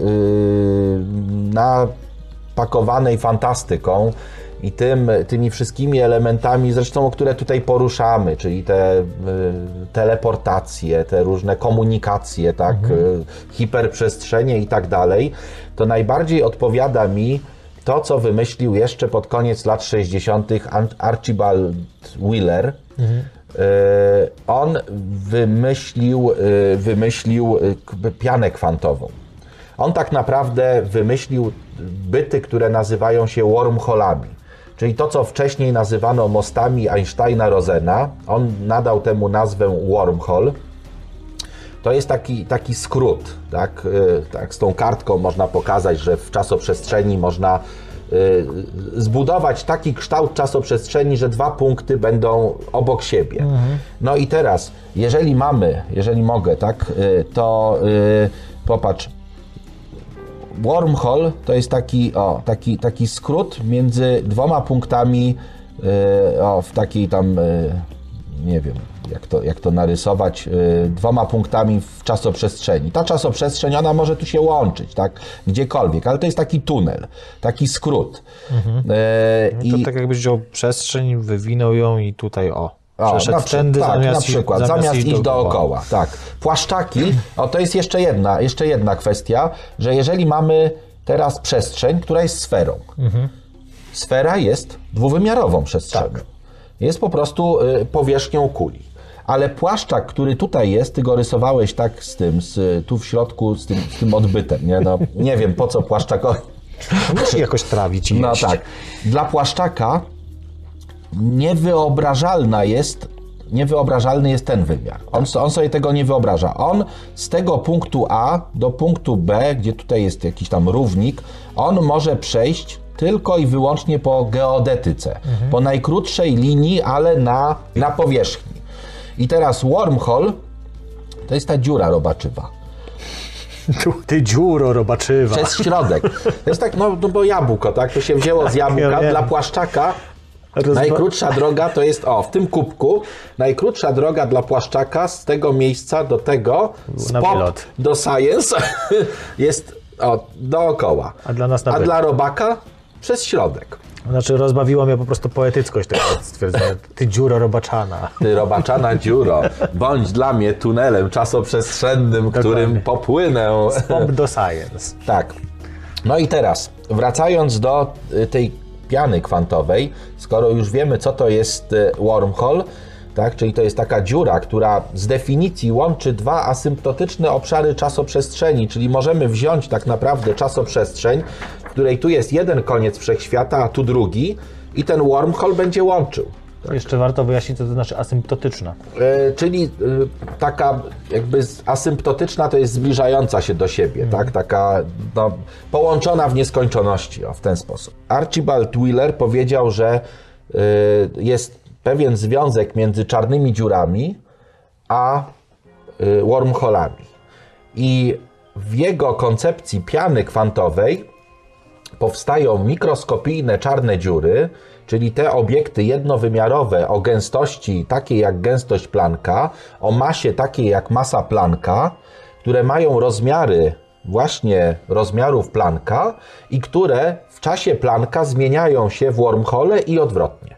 I to wszystko jest takim, dlatego piana kwantowa, że to wszystko jest w takim nieustannym ruchu, w takim bardzo szybkim. I teraz, dlaczego to jest takie atrakcyjne? Bo popatrz, jeżeli tutaj, wszędzie dookoła nas, w każdym miejscu powstają takie wormhole, które mogą łączyć dwa dowolne punkty w całym wszechświecie, to jeżeli byśmy byli w stanie nad tym zapanować, to mielibyśmy do dyspozycji każdy punkt we wszechświecie.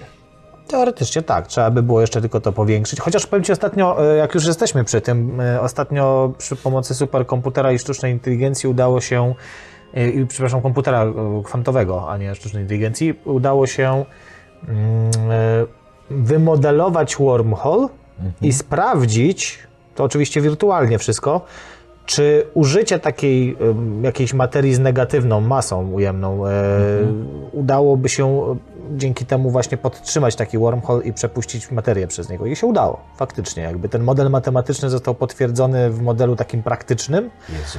Bra- Wiesz- brakuje tylko do urzeczywistnienia tego tak naprawdę dwóch rzeczy minimalnych, takich mało znaczących, czyli po pierwsze jakiegoś wormhola, a po drugie tej e, materii z negatywną drogi. ujemną masą.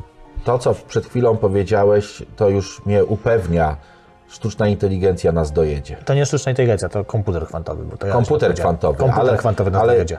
Gdy sztuczna inteligencja y, zostanie, gdy te algorytmy zostaną y, napisane na y, komputery kwantowe, to, to, to nas, E, Nie przejmuj się, to, to nas się, to, się, to się nie stanie. To nie, Nie stanie się? Ostatnio widziałem dość ciekawą publikację na temat myślę, że- komputera kwantowego, że bardzo mocno przeceniamy tę technologię, wiesz?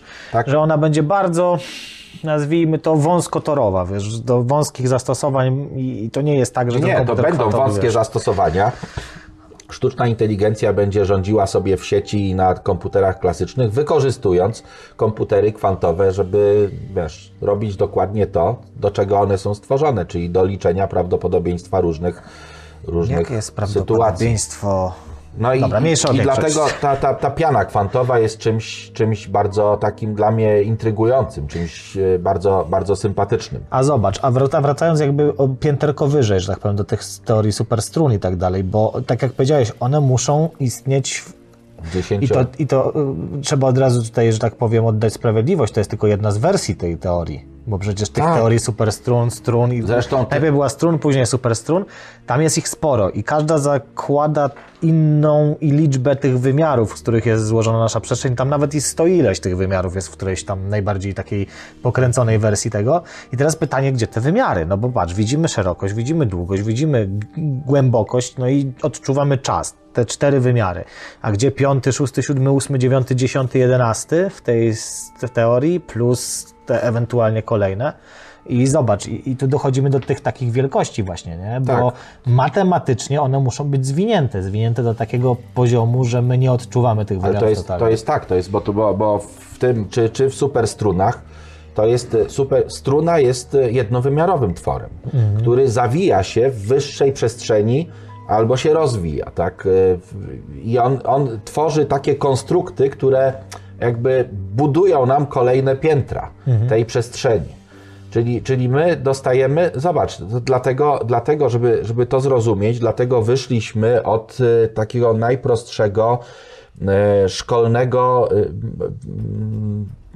e, elementu, jakim są przestrzenie kartezjańskie, bo to tak naprawdę to są struny. Te struny to są te kolejne elementy, które może nie budują te osi, tylko zwijają się. Struna się zwija i nagle buduje nam płaszczyznę.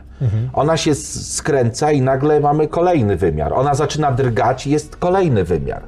To wszystko dzieje się w czasie, to wszystko jest bardzo dynamiczne. I tutaj to jest, no to jest taka dosyć sympatyczna teoria. Yy, W teorii strun my tam mamy jeszcze te, te kolejne kartki, nazywamy czasami branami, tak? To są Tak. brany, czyli te kolejne takie kartki w czasie, które, które są yy, rysowane przez, yy, przez ten cały bardzo złożony układ superstrun. Ale tutaj dochodzi jeszcze jedna rzecz, która Żeby to tylko jedna była. pęknie wam zaraz głowa. Naprawdę. Pęknie, Trzymajcie się, taśmą obwincie. Bo teraz tak, wracamy do tych kartek. No?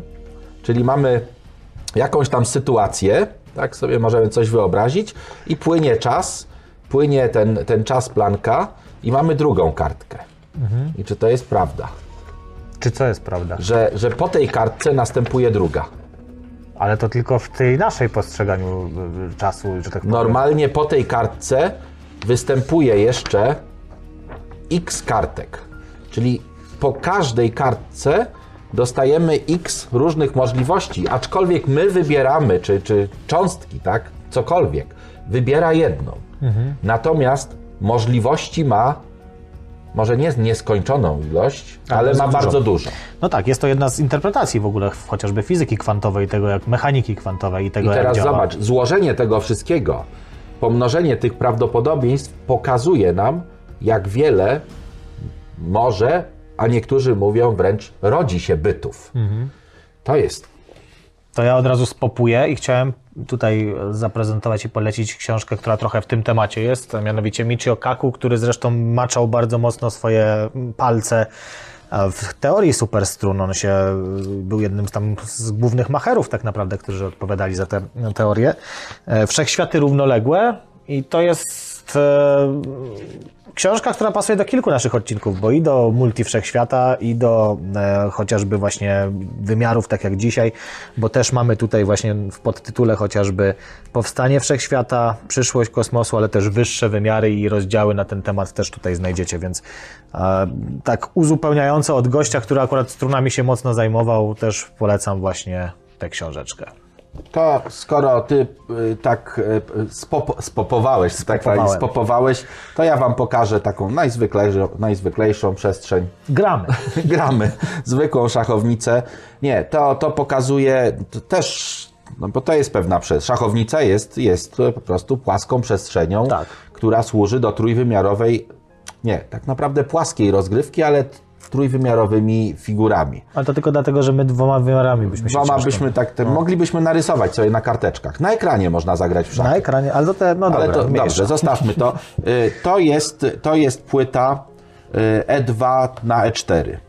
Tak się nazywa. Y, I tę płytę przywiozłem tutaj, dlatego że jej autorem jest Manuel Götsching, y, niedawno, niedawno zmarły Ty wiesz, to, że przestań muzyk. przywozić te płyty. Co przywieziesz płytę? Ale ja muzyka? przywiozę, jak on już zmarł. Okej, dwa odcinki później przywozisz i smutnym głosem mówisz, że już z nami nie ma tego muzyka. Czy ty masz jakąś czarną listę, którą realizujesz w ten sposób?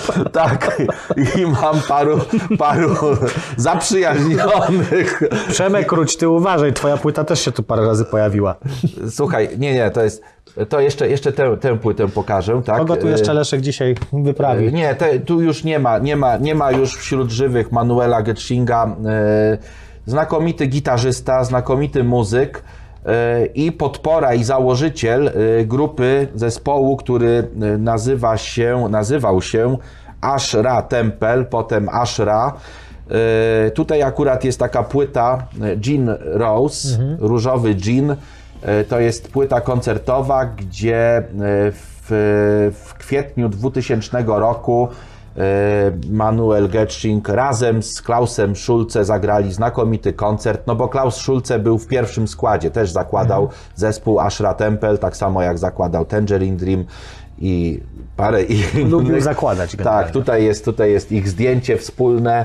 E, Znakomita płyta, polecam jedną i drugą. E, Manuel Getsching był przede wszystkim gitarzystą, ale on czuł taką muzykę, jakby to powiedzieć, muzykę e, elektroniczną. To daję od razu, żeby się nie, nie myliły. Żeby się nie, tak, żeby się nie myliły. Przestrzeń dokładnie. No i ten, i, i słuchaj, no skoro, skoro o tych przestrzeniach, to o czym mówiliśmy, czyli ta podstawa czasoprzestrzeni, tam generalnie z naszego punktu widzenia nie ma cząstek. Czyli to jest pusta przestrzeń. Tak. Mimo, że nie pusta. Pusta przestrzeń. Z dużym, E, du, pusta przestrzeń z dużym potencjałem na to, żeby Tak. coś zaistniało. Tutaj jest, jest książka, która jest jedną z, z serii, to jest M. John Harrison i y, z, jest kilka, kilka książek, których te, ta topografia przestrzeni, te jakby elementy y, związane z opisem przestrzeni są bardzo ważne. Tutaj są tak zwane K i M statki. Czyli to, to za chwilę pewnie może wspomnimy jeszcze o, bo, bo te, ta wielowymiarowość wzięła się tak naprawdę i została zapoczątkowana przez teorię Kałuży i Kleina, Kaluzy Kleina, gdzie najpierw było pięć wymiarów, potem siedem, tak, te y, wielowymiarowe tak zwane rurki Kaluzy Kleina, tak, to, to, było, to były, były używane wcześniej, żeby opisać jakieś niuanse czasoprzestrzeni. Tutaj E, te, te jakby elementy są wykorzystywane w opisie. Tutaj też są napędy Alcubierra, du, dużo rzeczy takich bardzo, bardzo fajnych. Książka jest dosyć trudna. Tak? E, Tutaj ona jest, jest sequelem taki Światło i Nowa Swing, które kiedyś tutaj miałem, bo też e, e, prawdopodobieństwo, mechanika kwantowa, mocne, naukowo, e, naukowo fantastyczne książki, bardzo serdecznie polecam. A tak tylko, żeby, żeby zachęcić Was, bo ona nie ma za wiele wspólnego, ale tytuł jest Przestrzeni Tak. Przestrzeni.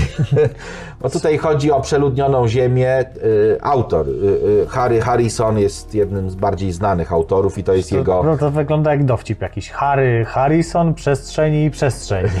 Tak, to, to jest... A Czekaj. propos takich dziwacznych e, imion, nazwisk i tak dalej, wiesz jak e, kojarzysz Maccalina Kalkina?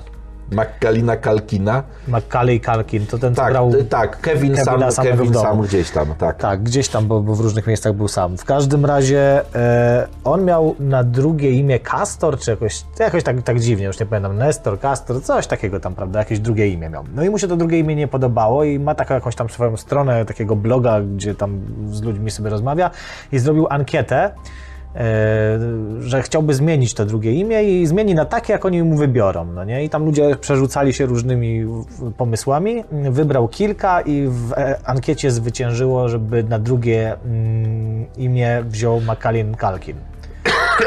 Więc teraz jest Macalin, Macalin, Kalkin, Kalkin. Jezus Maria. Taka dygresyjka. Jezus Maria. To jest dopiero przestrzeń. E, tak, przestrzeni, przestrzeni. E, znaczy, to, to jest polski tytuł. E, chociaż, no nie wiem, angielski jest make room, make room. Tak. Czyli zrób pokój, zrób. Harry Harrison, make room, make room. Make room, make room, tak. Tak to wygląda, ale tytuł jest taki bardzo, bardzo a propos. No i, i wiesz co, yy, myślę, że zanim przejdziemy do tych strun nie, i do tych, do tych rzeczy naprawdę trudnych, Nie, nie mówmy tak, bo to toruje mózgi od razu. Trudnych ludzie się zamykają, no nie, nie, nie, nieprawda. Tak. Nie, to, to- są fascynujące rzeczy. To I znaczy, tak to zostawmy. Bo, bo nie Do tych rzeczy fascynujących. nie dałeś mi. Bo ja już Ty- muszę reagować. A, to reaguj. jest misja. Nie, nie, to, to przepraszam, to, to, to reaguj, tak. Bo ja, ja czasami, czasami, wiesz, ja sobie zdaję sprawę, yy, mam nadzieję, że to, w jaki sposób my to przedstawiamy tutaj, że to jest zjadliwe i takie, takie proste.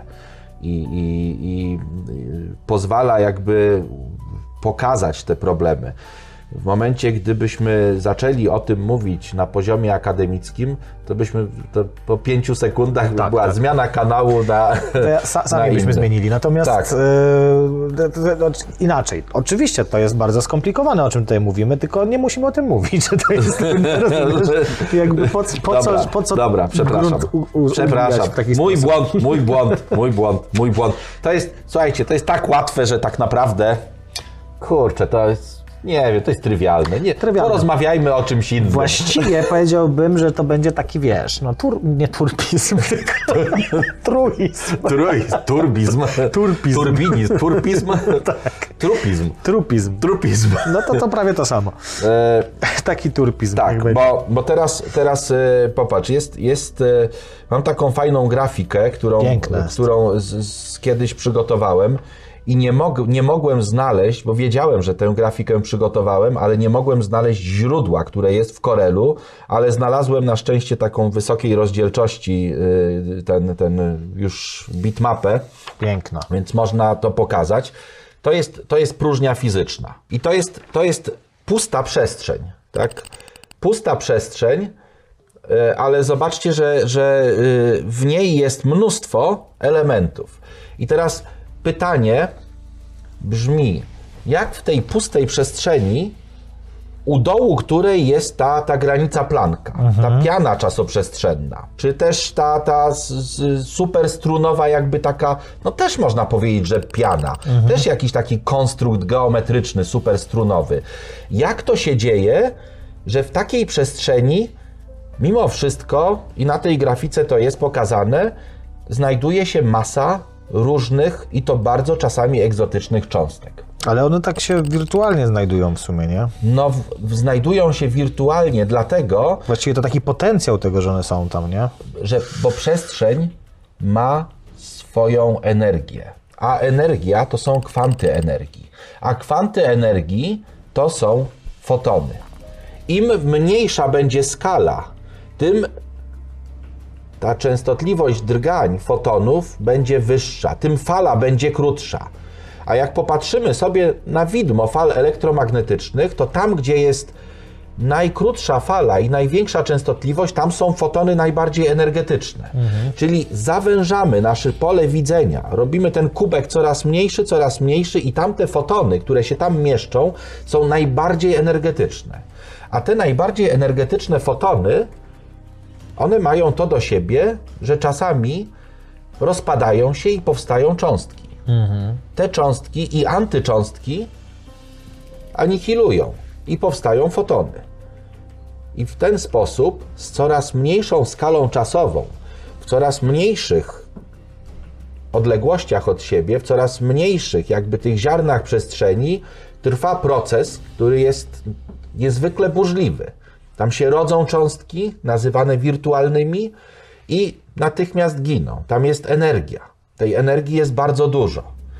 I to właśnie sprawia, że te cząstki bardzo egzotyczne, my jesteśmy w stanie wykreować i zobaczyć ich ślad gdzieś na jakichś e, e, zapisach z detektorów w CERNie, tylko wtedy, gdy energia będzie bardzo duża. I te cząstki normalnie też bytują wszędzie dookoła nas, ale w tak małych skalach, że są nieosiągalne. Dopiero w CERNie, gdy zderzamy te protony, osiągamy tą energię i ta cząstka na chwilę wyrywa się w skali przestrzennej, rysując jakiś ślad albo dając nam jakiś cień nadziei, że ona jest. Tak odkryto e, wirtualny bozon Higgsa. Tak y, odkryto te bozony pośredniczące, W, bozon pośredniczący, Z. Tak odkryto jakieś inne cząstki. I tak prawdopodobnie my będziemy w stanie być może odkryć pojedyncze kwarki, które na razie no nie wiadomo czy są, bo nikt nie widział kwarka pojedynczego. One Ra- mają Raczej widzimy w nich tendencję do łączenia się w różne tak, kwarki. tak. One, one, one budują strukturę hadronów. Budują strukturę taką dwukwarkową, trójkwarkową, cztero czy nawet pięciokwarkową. Czyli tak zwane pentakwarki. Pentakwarki. Wiszą tak się, wędzą. E, Nie, tam w tym, a to w tą stronę. A ja chciałem powiedzieć, że dwóch naukowców w CERNie przypętał mi się taki jeden pentakwark. pentakwark się przypa- przypałętał. Nie, pentakiełbas, pentakwarków to są te, Pentakwarków to są. Tak, to taki świąteczny klimat. Dokładnie. I zobacz to, jakie tu energie są, nie? Energie są Rośnie. horrendalne. 4 megaelektronowolty i masz wirtualne elektrony pozytony. Przy 80 gigaelektronowoltach wirtualne bozony W i Z. 180 gigaelektronowoltów to gdzieś tam te wirtualne bozony Higgsa Bozony się zaczynają Higgsa, pojawiać. tak. A 10 do 6 gigaelektronowoltu tam są wciąż nieodkryte cząstki. I Tak. 10 do 19 gigaelektronowolta No to jest ta, to jest ta Granica energia piana próżni, tak, próżni kwantowej. Musielibyśmy chyba zrobić e, akcelerator wielkości wszechświata, żeby osiągnąć taką. Raczej, raczej tak, bo to są, to są y, kiedyś taki, taki pomysł miałem na takie opowiadanie, że się, że się uda te bramy jakby y, otworzyć, jakieś takie, takie kwantowe bramy y, w momencie, gdy opanujemy Księżyc i taki akcelerator, który będzie opasał cały Księżyc, tak, i będą przyspieszane te cząstki, te hadrony jakieś, no, te, na które możemy magnetycznie działać i przyspieszać tak bardzo, żeby po zderzeniu te energie były naprawdę bardzo, bardzo y, wysokie. Także ta, ta pusta przestrzeń i teraz właśnie im jesteśmy głębiej, bo gdzie jest sens i gdzie, gdzie powstaje sens tych, tej większej ilości wymiarów? Tego sensu raczej nie znajdziemy w naszej przestrzeni czy w przestrzeniach wyższych. Tylko właśnie w tych przestrzeniach, gdzie te wymiary zaczynają jakby odgrywać rolę w przemianach tych cząsteczkowych. Tam, gdzie chcemy opisywać tą różnorakość i brakuje nam możliwości, bo trzy wymiary to jest niewiele możliwości. Zobacz, gdy mówimy o mechanice zwykłej, to mówimy o y, stopniach swobody. W takiej zwykłej, zwykłej mechanice teoretycznej mówimy o tym, że są stopni swobody związane z możliwością ruchu wzdłuż jednej, drugiej, trzeciej osi, o możliwościach obrotu, tak, wzdłuż tych osi. Powiedzmy, że jakiś tam punkt ma 3, sto, 3, 3 albo 6 stopni swobody, tak. I nagle mamy ileś tam cząstek, które zapisują nam e, jakby macierz wszystkich możliwości, a my chcemy więcej. Więcej tych możliwości, więc musimy te osi tworzyć, żeby tych stopni swobody było więcej. Takie wirtualne z naszego punktu widzenia, natomiast z punktu widzenia prawdy, to, właśnie nie wiem. I teraz, i teraz mi weź Tak, wyjaśnij. to jest prawda. No właśnie, czy, czy bo, bo my jesteśmy ograniczeni. Te przykłady z, związane z tymi płaszczakami, gdy my stawiamy się w roli tego płaszczaka, no to y, pokazują, że my jesteśmy rzeczywiście ograniczeni. Znaczy wiesz, to przede wszystkim płaszczaki nie istnieją, jakby wiesz, no, No możemy jesteśmy w stanie taką- obserwować dolne, znaczy niższe wymiary i nie widzimy żadnych płaszczaków. Zresztą jakby to miało działać, wiesz, no nie wyobrażasz sobie chyba świadomej jakiejś żyjącej istoty, która byłaby Ale wiesz, ale y, y, często się mówi, żeby pokazać, że, że To ten, ten trzeci wymiar to wy- wystarczy wziąć zwykły globus i mrówkę. No. I ta mrówka będzie łazić po tym globusie, bo ona w ogóle nie ma. Yy, znaczy, nie wiem, czy ma świadomość też swojej wysokości, czegokolwiek, ale ona będzie chodzić po. Dla niej pójście z jakiegoś punktu do innego, gdzie przykleimy kawałek cukierka, no to, to po tej geodetyce, tak? A ona, tak nie ma. kładzie się, ona, ja nie mogę, znowu my ten człowiek położył i będę chodził a po tej dwuwymiarowej kartezjańskiej przestrzeni tego globusa, nie mogąc oderwać się do góry. Tak, a ja, a ja, się zdziwił. a ja chcę latać. A ja chcę wiercić, ja chcę. Jak królowa, przewidzieć skrzydła i ten, więc wiesz. Jezu. Mrówki są 3D. To nie był najlepszy przykład, Albercie. Nie, mrówki są zdecydowanie 3D. Mrówki są tak, zdecydowanie 3D. Weźmy. No właśnie. No właśnie, te, te, te, te różne elementy związane e, z wieloma teoriami, które się pojawiły. Pojawiły się, pojawiła się przede wszystkim mechanika kwantowa, która otworzyła nam oczy na e, jakby zupełnie nowy świat. Mechanika klasyczna to były punkty materialne. Punkty materialne, które były uproszczeniem rzeczywistych ciał. To były punkty matematyczne, które posiadały dodatkowo cechę, wymiar w postaci masy. I możli, mogliśmy zbudować całą dynamikę taką newtonowską. Newton zbudował taką, taki opis świata.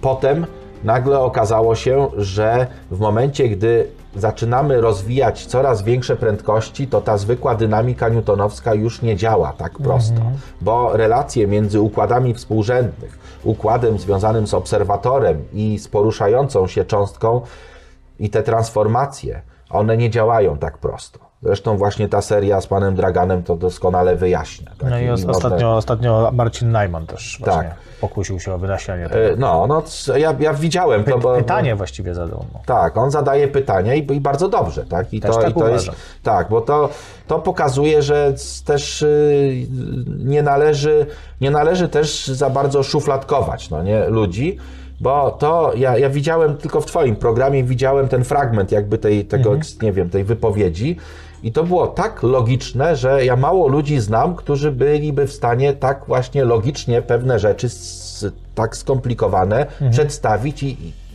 i, i pomyśleć o nich w ten sposób. No, że on, wiesz, on No, tam ale już zostawmy. parę miesięcy temu usłyszałem właśnie Tak. gdzieś tam chyba był u Wojewódzkiego, był z rok temu, czy coś takiego, tam mówił, że słucha sobie na YouTubie wykładów profesora Meisnera i super, no. Przy, przypomina mi się. Bardzo fajne są. Przypomina się y, taki film. e, Z, jaki to był film, e, gdzie dwóch panów takich e, z piwem na dworcu kolejowym i właśnie rozkminiają. Trochę inne, ale można im włożyć w usta Mhm. cokolwiek, tak? Że Kurczę, coś... to chyba było w Misiu. Miłość. Misiu chyba. miłość. Czy to coś takiego w ogóle istnieje jak miłość? I oni się. Misiu wiesz, chyba nie. To nie było w Misiu? Chyba nie. Y, tam, nie, to było tak, to było w, w Misiu? Misiu i to był ten, który zastępował ten, ten tym, ten, ten węglarz.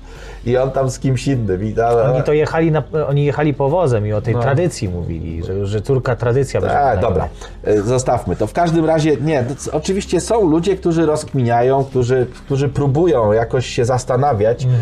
nad, czymś, y, nad czymś więcej niż tylko co zjemy, co wypijemy i co będzie w telewizorze, tak? I, I to jest jakby godne, wy do takich ludzi należycie. To zanim przejdziemy do tych, nie powiem, że trudnych rzeczy, ale rzeczy związanych Ale z są wymiarami, fascynujące. fascynujących rzeczy, to jeszcze tak króciu, króciutko e, o innych wymiarach w kontekście tego, co na przykład możemy w Ricku i Mortim obserwować, czyli oni przeskakują sobie do innych wymiarów, mają telewizję kablową międzywymiarową, gdzie wszystkie programy ze wszystkich wymiarów są i tak dalej, e, że to jest jednak coś innego. I o tym mówiliśmy de facto w odcinku o wieloświecie. To Tak. jest, tam, tam to jest taki typowy wieloświat, e, kwantowy nazwijmy to, czyli Tak. nie wszechświaty bąbelkowe do, dookoła gdzieś tam za granicami wszechświata, tylko bardziej na zasadzie to, co mówiłeś, e, to, co mówiłeś, e, czyli te, te możliwości, to, co jest pomiędzy kartkami, tak, nie? Te wszystkie, tak. Te, cząstka to, robią... to, że z każdej kartki No. nie przechodzimy do... Nie, nie mamy Liniowo tylko jednej konkretnej do wyboru, tylko jest, jest większy wybór. Tak? Dokładnie, więc to są właśnie te powiedzmy inne wymiary i, i, i możemy sobie to wyobrazić, tak sobie twórcy pewnie Jest tak, tak, tak. takiego to wyobrazili. że- Nieskończona liczba rików i mortich i oni tam tak są, jakieś te wielkie fabryki, gdzie jeden zniewala drugiego i Dokładnie tak. to jest- to jest- Natomiast to nie są absolutnie, tu nie chodzi o wymiary o przestrzenne, to nie chodzi o wielowymiarowość, tu chodzi o de facto To wiesz co, po, no. podobnie jest tutaj, bo tutaj też jest, y, też jest, tu mówi się konkretnie, jest tak, ostatnia Rzeczpospolita. To jest taki świat, tu biała reduta, to jest jeden, jeden z tomów. Mariasz, to jest mariaż fantasy i SF. E, y, Pan, pan Tomasz Kołodziejczak teraz trochę mniej pisuje, on, on zajmuje się wydawaniem komiksów, e, z tego co wiem, Eg, Mhm. Być Eng- może. Engmont, Egmont? e, Egmont, tak, to on chyba tam, tam e, e, w, tej firmie, czy to jest, nie wiem, czy to jego firma, czy tam pracuje, natomiast tutaj jest jakby, e, jest nieustanna wojna gdzie atakują stwory z innego wymiaru, z, innych, z innych jakby tych właśnie tych, tych takich, Wieloświatów. wie- z innych wieloświatów. Tak, tak można to odczytywać. E, I to, co jest ciekawe, tutaj ch- chroni przed nimi ta, e, ta, ta prastarość słowiańska. Tam są magiczne dęby, które są taką barierą nie do przebycia dla tych tworów z tego, z tego szatańskiego jakby... Brzydzą się dębu. Tak, z tego szatańskiego wymiaru, z tych, z tych e, Słuchaj, przypomniał mi się teraz film, e, film e, Event Horizon dokładnie. to ten sam wymiar właśnie. Ten sam, ten sam wymiar, z tego wymiaru oni, oni polecieli i wróciły te postaci z tego wymiaru. Ty to wiesz, co tam trzeba było zrobić? Tę komorę, gdzie ta czarna dziura była i otwierało się te, to przejście, to trzeba było po prostu bułazerią dębową wyłożyć. Tak, z tych prastarych dębów, z tych prastarych dębów. Nie, no tutaj, tutaj są, są niezłe, bo i akcja się dzieje i na Marsie są te właśnie, tam już jest baza na Marsie, są odcięci jacyś astronauci, którzy też ich atakują, te stwory. A tam są prastare dęby? Tam nie ma prastarych dębów i to jest niestety problem. Także y, bardzo fajna seria, bardzo polecam. Ta ostatnia Rzeczpospolita. y, Gdzieś tam jakby są te kwestie. A skoro już jesteśmy przy prastarych dębach, to ja z zupełnie, zupełnie inną, bo ja zazwyczaj polecam książki takie SF. Y, Natomiast y, słuchaj, skoro już te, te wiesz, ten wymiar taki ciemności, no to tutaj jest głos z wymiaru ciemności. E, Wspomnienia legendy polskiego rocka, Romana Kostrzewskiego, legendarnego założyciela i wokalisty grupy Kat. Katującego muzykę metalową. Z- Powiem ci, że y, świetnie, inaczej się patrzy na tę postać, tak? On, on zupełnie inaczej jakby przedstawia też tą swoją, swoją, może nie historię, swoje widzenie muzyki i on rzeczywiście jak, co, inaczej te teksty też traktuje. On, wiesz, mówiło się sam satanista, coś tam, nie? On, on był muzykiem przede wszystkim, który w jakąś konwencję wszedł, ona mu odpowiadała i przedstawiał różne, niekiedy bardzo smutne i, i dramatyczne rzeczy. No raczej kotów nie jadą. Nie, no czarnych mszy nie odprawiał, to, to że śpiewał w niektórych piosenkach Poza tym. tym kat od tyłu to jest tak i tak naprawdę oni Tak. zaczynali jako zespół weselny. Tak, zespół weselny, tak. E, Pierwszym wokalistą, zanim przyszedł Kostrzewski, był Zenek Martyniuk. Dokładnie. Ale Zenek poszedł w karierę solową, więc... Tak, i więc oni tak śpiewali takie wesołe piosenki, takie, takie mój panie, mój satanie, ha, ha, ha, Tak, nóżką. Tak, i tupać nóżką można. To, to E, jeszcze taki był serial, a propos, y, zanim wyjdziemy z tych innych wymiarów, nie przestrzennych, tylko wymiarów wieloświatowych. Fringe się nazywał i to był taki serial, nie wiem czy nie wspominałem już o nim, y, o naukowcu, który chciał od- odzyskać syna swojego, bo mu zmarł w tej jego rzeczywistości i zbudował najpierw taki system do podglądania jakby innego wymiaru. Tam widział siebie, który tworzył różne wynalazki, w ogóle podkradał sobie, był troszeczkę tak jakby do przodu ten świat, on tam się szybciej rozwinął, o o parę dekad dosłownie jakby. E, Ta, ten, ten, ten rozwój był przyspieszony względem naszego, więc on jakby samemu sobie z tego innego wymiaru trochę pa- patenty na różne technologie, wiesz, wykradał, a potem e, nauczył się e, robić tak, e, żeby otworzyć wręcz bramę do tego innego wymiaru, czyli przejść z jednej brany do drugiej brany, czyli z tej jednej kartki do drugiej kartki i ukradł swojego własnego syna tamtemu. Z Jezu, to już, to już jest Cudawianki się działy, ale naprawdę były ciekawe koncepcje takie właśnie tych technologii różnych, nie? No i, no i, bardzo, no i bardzo dobrze.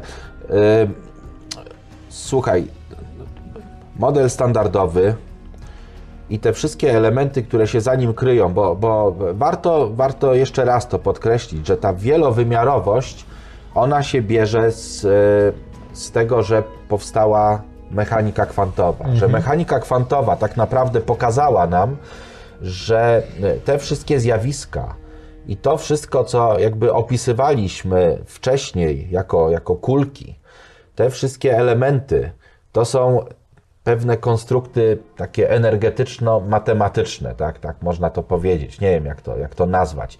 A na dodatek, one opisywane są jeszcze stanami prawdopodobieństwa, prawdopodobieństwem zaistnienia takiego albo innego jakby kształtu, e, czy, czy miejsca, czy czegokolwiek, czy energii. Energia cząstki to też jest pewien rozkład prawdopodobieństwa. Najbardziej prawdopodobne, że taka cząstka ma jakąś energię, ale może mieć inną. I to spowodowało, że zaczęto właśnie traktować pewne cechy jako, jako wymiary. I, I później, w miarę rozwoju modelu standardowego, to nagle narodziły się i, i zaistniała jakby potrzeba opisu świata, tego, który nas otacza, tego świata cząstek elementarnych, przy pomocy wielu różnych cech. I te cechy, one też niejako tworzyły nam coś, co określano mianem tych nowych wymiarów. Więc e, wiesz, tak jak mówimy o tym czwartym wymiarze, o tych tesseraktach, których tam, nie wiem, animacje gdzieś można zobaczyć, że to jest ten taki zmieniający tym się... wymiarze przestrzennym. Tak, w czwartym dodajmy. wymiarze przestrzennym. To tak naprawdę w fizyce, gdy mówimy o tej wielowymiarowości, to nie chodzi nam tyle o te kolejne wymiary przestrzenne. Tutaj bardziej wymiary przestrzenne, bardziej w miarę jakby komplikacji one się zwijają czy jakoś zapętlają, natomiast rolę tych wymiarów przejmują te cechy. Weźmy na przykład, y, weźmy na przykład ładunek elektryczny.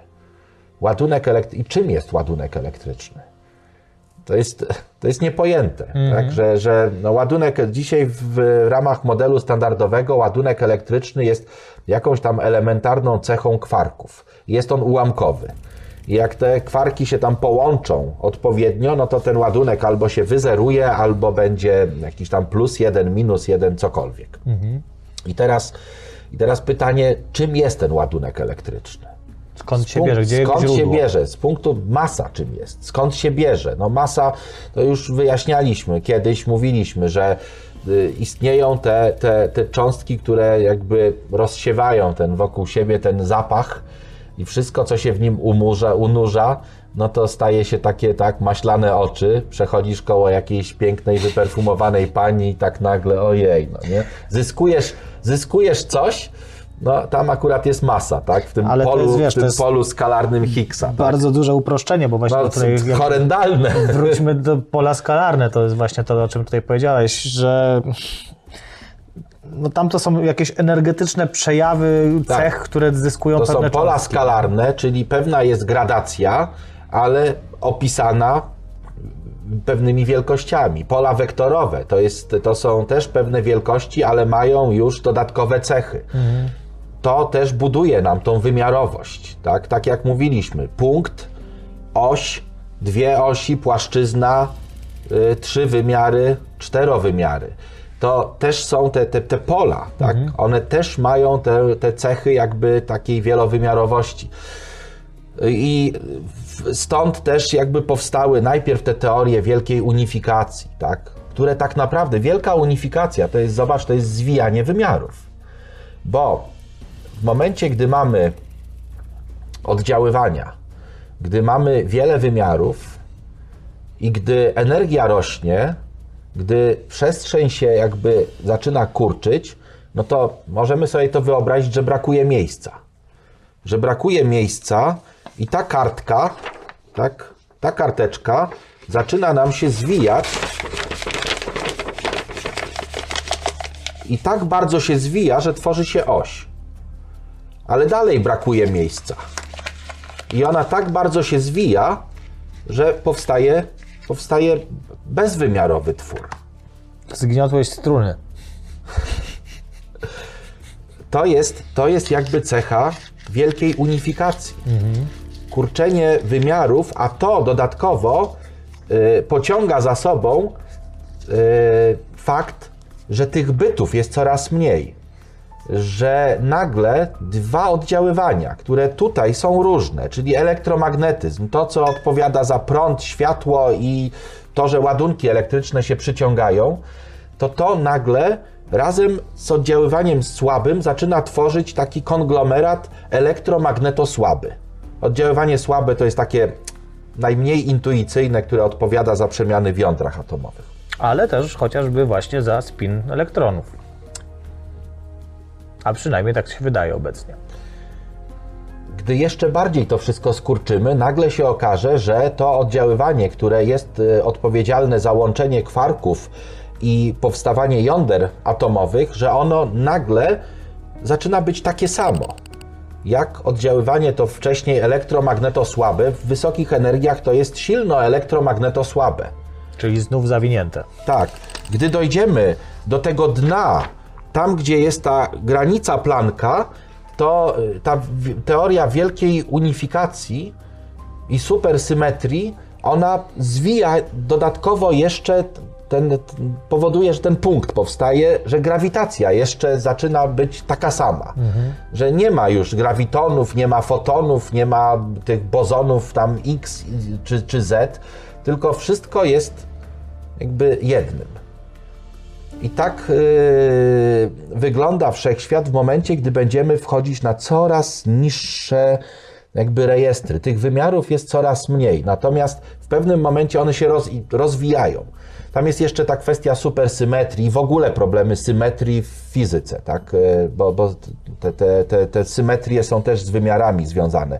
Yy, teoria wielkiej unifikacji działa w dwie strony, bo wszechświat, gdy powstawał, z takiego punktu właśnie, z tego co mamy o tu na ręku, tu w tym miejscu, to zaczęło się rozwijać i, ta, i, i te wymiary zaczęły pączkować. Po, ta, ta, ta wielość bytów zaczęła jakby rosnąć.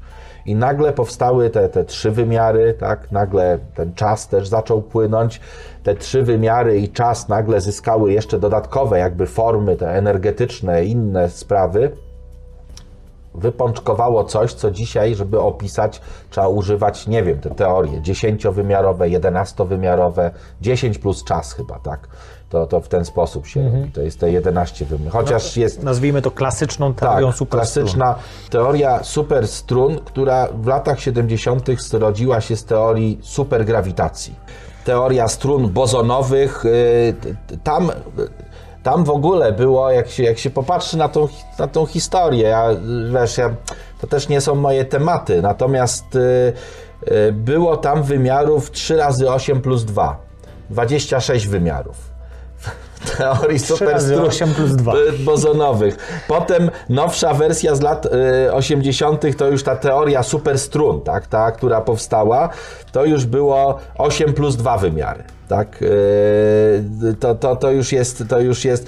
Po, potem y, y, weszła matematyczna teoria tam funkcji modularnych i, i, i to się wszystko rozwijało. W latach y, 90 już ta taka teoria, ta branowa, ta 11-wymiarowa teoria, mówi się M-teoria, tak? To jest M-teoria, która, e, która e, jest teraz, e, nie wiem, no wszyscy by chcieli, żeby była tą prostą drogą do teorii wszystkiego, tak? Czyli, czyli żeby dała nam możliwość połączenia Zunifikowania oddziaływań. zunifikowania, oddziaływania doda- grawitacji, bo, bo w modelu standardowym jesteśmy w stanie zunifikować i obserwujemy też przejawy tej unifikacji w, w, właśnie w eksperymentalnych jakby y, kwestiach. Natomiast y, grawitacja jest czymś nieosiągalnym. Zresztą te energie, o których tam, y, o których wspominałeś, te, te Jesteśmy chyba dwa rzędy wielkości za, za mało, w za, za słabi w energię, żeby grawitony No, żeby wykryć, co- uzyskać cokolwiek, cokolwiek tak, żeby- zrobić. żeby- A co dopiero, zrobić. żeby zwinąć grawitację. to zaginanie, bo mamy tą czterowymiarową czasoprzestrzeń i i w grawitacji mamy tylko i wyłącznie kwestię zaginania tej czasoprzestrzeni.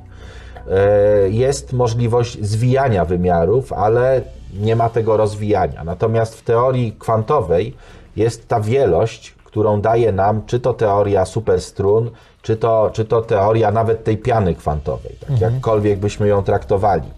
Także tutaj y, y, tak, to, tak to wygląda. Też warto powiedzieć, że te teorie różne, które tutaj są, yy, dobrze, że są. To nie jest tak, że ojej, bo któraś tam nie oddaje w 100% rzeczywistości, bo tak naprawdę jedna czerpie z drugiej. Można lepiej jeszcze opisywać te wszystkie rzeczy i tak naprawdę dzięki temu, że jakby z różnych stron się to ciastko napoczyna, to szybciej dojdziemy do tego słodkiego w środku miąższu czekoladowego, więc niech pracują. Y- Część z nich już na przykład odpadła, no tak jakby chociaż taka klasyczna teoria strun, ona już na rzecz tej super strun e, teorii została, że tak powiem, wycofana.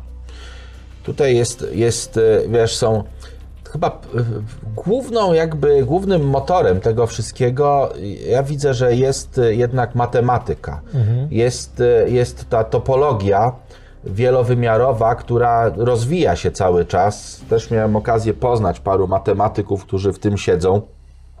I y, oni sobie zdają sprawę z tego, że to jest sztuka dla sztuki. Natomiast czasami pojawiają się jakieś takie, jakieś takie tematy, jak tam te, te, te rozmaitości Kalabiego jału, jakieś, wiesz, powstaje trochę publikacji i nagle się okazuje, że bo to są problemy roz, zagęszczania przestrzeni, czyli zagęszczania wymiarów, tak? czyli, czyli właśnie takiego y, dodatkowego zaginania wymiaru, że powstaje coś, co, co jest jakby wyżej wymiarowe. E, I nagle podchwytują to fizycy. E, I wykorzystują jakieś tam elementy matematyki po to, żeby, żeby opisać coś i przedstawić swoją hipotezę. Tych hipotez wielowymiarowości jest bardzo dużo. Natomiast, wiesz co, ja, ja tak naprawdę cały czas się zastanawiam, Yy, bo tak, znaczenia to nie ma dla naszego życia żadnego. Nie, nie, nie czarujmy się. Na razie ma tak. to, ma to znaczenie w tej chwili tylko i wyłącznie poznawcze i, yy, i No przepraszam, dla mojego ma, bo ja na przykład się tym interesuję i lubię sobie nie, ja, nie, nie, ale mówię to, ale to są poznawcze rzeczy. To są rzeczy poznawcze. To są rzeczy, które pozwalają nam wiedzieć więcej. Tylko jakąkolwiek byśmy z tych teorii w tej chwili e, nie wzięli, tych teorii właśnie zagęszczania, kompaktowania yy, czasoprzestrzeni, czyli takiej zwykłej czterowymiarowej przestrzeni i zastosowali ją do właśnie do tych, tych opisów fizycznych, dodatkowo zastosowali te wymiary właśnie takie czysto fizyczne, te wymiary związane z, z, z, z fizycznością, dołożyli do tego jeszcze te, te ewolucje całego systemu, czyli ten system Bran, no i dostaniemy jakąś teorię strun, tak, superstrun, te wszystkie jakby elementy, które za tym idą. Natomiast no może super struny, ja właśnie nie wiem, bo wiesz co, też tego nie śledziłem. Miały być te, te y, eksperymenty y, kosmologiczne, które niby miały wyjaśnić, czy cały wszechświat powstał z takich strun, czy to wszystko się rozwija dokładnie tak, jak miało. Z tego, co gdzieś czytałem, no to tak, to, to wszystko znowu nie wiadomo. Wiesz, bo to zależy. Po pierwsze to trwa, a po drugie to też jeszcze trzeba wziąć poprawkę na to, że pewnie część zespołów naukowców e, po prostu poluje na granty, więc to też jest jakby ten problem, Y, nie? Wiesz, to jest, to jest też straszne. To A też im, tym... im bardziej skomplikowany problem, tym król jest bardziej nagi i cię, ciężko jest powiedzieć, wskazać palcem i powiedzieć, że to jest bzdura na przykład. Jest, jest teraz, teraz w ogóle kształt nauki, to też kiedyś tam wspominaliśmy, ale to, to jest też taka, taka no, patologia, niestety. Ze względu na to, w jaki sposób rozliczani są naukowcy ze swojej pracy, nie- nie są zostawiani w spokoju. Nie są zostawiani y, w spokoju, żeby myśleć. Więc nie opłaca się na przykład, y, nie opłaca się siedzieć nad jakimś problemem długo, kompleksowo go rozwiązywać, tylko robić jakieś takie, takie takimi półśrodkami działać. Byle szybko, byle masowo, no bo musimy zdobywać jakieś punkty, jakieś, e, wiesz, też jest to ważne, żeby zdobyć granty. Musisz mieć wiele publikacji, nie jedną solidną, taką, która ma uznanie środowiska, tylko wiele. No, więcej szans na cytowanie. Wie- Natomiast tak. wiesz, może następnym krokiem będzie to, że będziecie opowiadać wierszyk na przykład, albo tańczyć, nie? żeby zdobyć dodatkowe punkty, bo i w tę stronę to idzie. Natomiast e, mówisz, że dla nas to nie ma w tym momencie absolutnie żadnego przełożenia na nasze codzienne życie i to jest prawda, nie ma, ale Poza Poznaniem, poza poza ciekawością, Poznaniem, poza tym, co, co, co, praktycznego przełożenia. o, poza tym, co wy tu robicie, tak, y, będąc i oglądając nas i słuchając, I ja się zgadzam, że praktycznego przełożenia na razie nie ma, bo nie zrobimy z tego super lodówki, która działa bez prądu na przykład, ale, yy, Ale, ale, no to jest dokładnie, wiesz, ja lubię przytaczać ten, e, ten kasus e, elektryczności. No, na początku to też przecież było do pokazywania show w namiotach cyrkowych dosłownie, bo coś takiego się działo. Natomiast dzisiaj bez elektryczności no nie wyobrażamy sobie nowoczesnego świata i no raczej nie za naszego życia, bo za naszego życia to pewnie nawet i się nie uda zunifikować tej całej teorii, bo, bo to trwa, trwa, trwa i od dekad już jesteśmy bardzo blisko, ale ten koniec i ta nagroda i ta meta się oddala. Natomiast wiesz, w przyszłości na 100% będzie można z tego jakieś technologie e, uzyskać w tej dalszej przyszłości, ale jeżeli teraz nie będziemy tych kroków robić, no to ta przyszłość nie nadejdzie i I tyle. mój drogi, i może po, tak. Spopójmy. I, i dzięki y, New Dimension, nowym, nowemu wymiarowi, to jest y, wykonawca y, Darway, Darway, Darway. Zaciąłeś się. Darłej. Ale kompakt się zaczynał w takim... Darłej, Darłej. Jezu, jak on się nazywa? Bo to jest, chyba polski wykonawca, tylko ja nie pamiętam, nie pamiętam. Taką płytę, bardzo sympatyczna płyta, wiesz, wziąłem ją Dariusz ze względu... Drogowy? Dariusz Drogowy? Darway? Dar, Dariusz Drogowy, być może, tak. Drogi Dariusz, drogi, drogi Dariuszu. Dariuszu. E, dzięki temu Darway, e, fajna, taka sympatyczna płyta Darway of.pl, kurczę, e, nie pamiętam jak, jak się nazywa, no przepraszam, nie, tak to jest, bo wiesz, niektórzy wykonawcy myślą, że to jest taki fan, jak sobie się ukryje pod pseudonimem i taki jest ukryty. No? Ale z drugiej strony może nie chce. Sorry, może, może nie, nie chce. chce. Po prostu jest z Darwayem i tyle. Może jest tym rektorem UJ-u. Może tak być, Darway. I, I nie chcę, żeby ktoś, ktoś o tym wiedział. Natomiast Krzysiek Kurkowski, Kenny, y, on chce i y, to nas doprowadzi do, nie wiem czy tutaj widać, Better World, do lepszego świata. Znakomity album dwupłytowy. O, dla Leszka dziękuję. dziękuję. Jest i podpis. Y, Tak, jest i podpis. Bardzo ładna płyta, bardzo, bardzo, naprawdę świetna. Elektronika na najwyższym poziomie, polecam. Jeżeli gdzieś uda Wam się to kupić, nie wiem, najlepiej zahaczyć tego, tego człowieka na tym, na, na Facebooku, Krzysztofa Kurkowskiego. Powiedzieć Krzysztofie, Krzysztofie, gdzie kupić? Krzysztofie, gdzie kupić, gdzie kupić, gdzie, gdzie, no tak, trzeba zapytać, gdzie kupić. Gdzie kupić? Słuchaj, Gdzie kupić? to skoro, skoro... Aha, bo jeszcze płytę chcesz E, pokazać, Jeszcze chciałbym, bo wiesz, tak, skoro mówiliśmy i tak, tak, tak zahaczyliśmy dosyć solidnie o, o matematykę, o topografię, o, o właśnie te elementy matematyki, które zajmują się tą przestrzennością. To jest ta część algebry, taka bardzo, bardzo... yy, to nie topologia? Topologia, przepraszam, topologia. słucham właśnie ale z topologii, ale z topologii bierze się, bo topologia jest jakby, bo patrzyłem już na tytuł, topograficzny ocean. E, Z topologii bierze się też y, y, to, co jest już takim rzeczywistym opisem. Topografia to jest Opisywanie. opisywanie tak, przy pomocy narzędzi topologicznych. Tak. Więc tutaj jest e, opowieści e, from, tales from topographic oceans. From Borg. From Borg. No, y, tutaj zespołu chyba nie muszę przedstawiać. Yes. Yes. Czyli tak, czyli to jest kat. Czyli to jest a yes. W innym wymiarze. To jest say, czyli cat znaczy move. Tak. Dojdziemy, dojdziemy, do, dojdziemy do krańca tego. Dojdziemy do krańca świata. Większe, większe energie To znaczy, zanim skończymy, to skończą się wcześniej wymiary. To prawda. to skończą się wymiary. Moi drodzy, y, to, to, to jeszcze jeden uniwersum, Okej. naprawdę wielowymiarowe. Ja, ja serdecznie polecam. Ostatnio, y, jakiś czas temu, miałem okazję odwiedzić, y, nie pierwszy zresztą raz, y, wystawę prac Wojtka Siódmaka. Y, To jest akurat książka, wyszło kilka albumów niedawno, z, właśnie z, z dziełami Wojtka Siódmaka. To jest ten album, który wystawie towarzyszył. O, tutaj, tutaj są te jego wspaniałe światy. To, są, to, to jest malarz, to jest Polak mieszkający w, Pa- w Paryżu. Może to, nie wiem czy... Jakiś portal Anorectis. Tak, portal Anorectis, kolumny świadomości. No, wiele, wiele takich postaci, naprawdę genialne obrazy. Te obrazy na żywo, jak są wielkie w galerii, to było akurat Muzeum Sztuki Fantastycznej w Warszawie.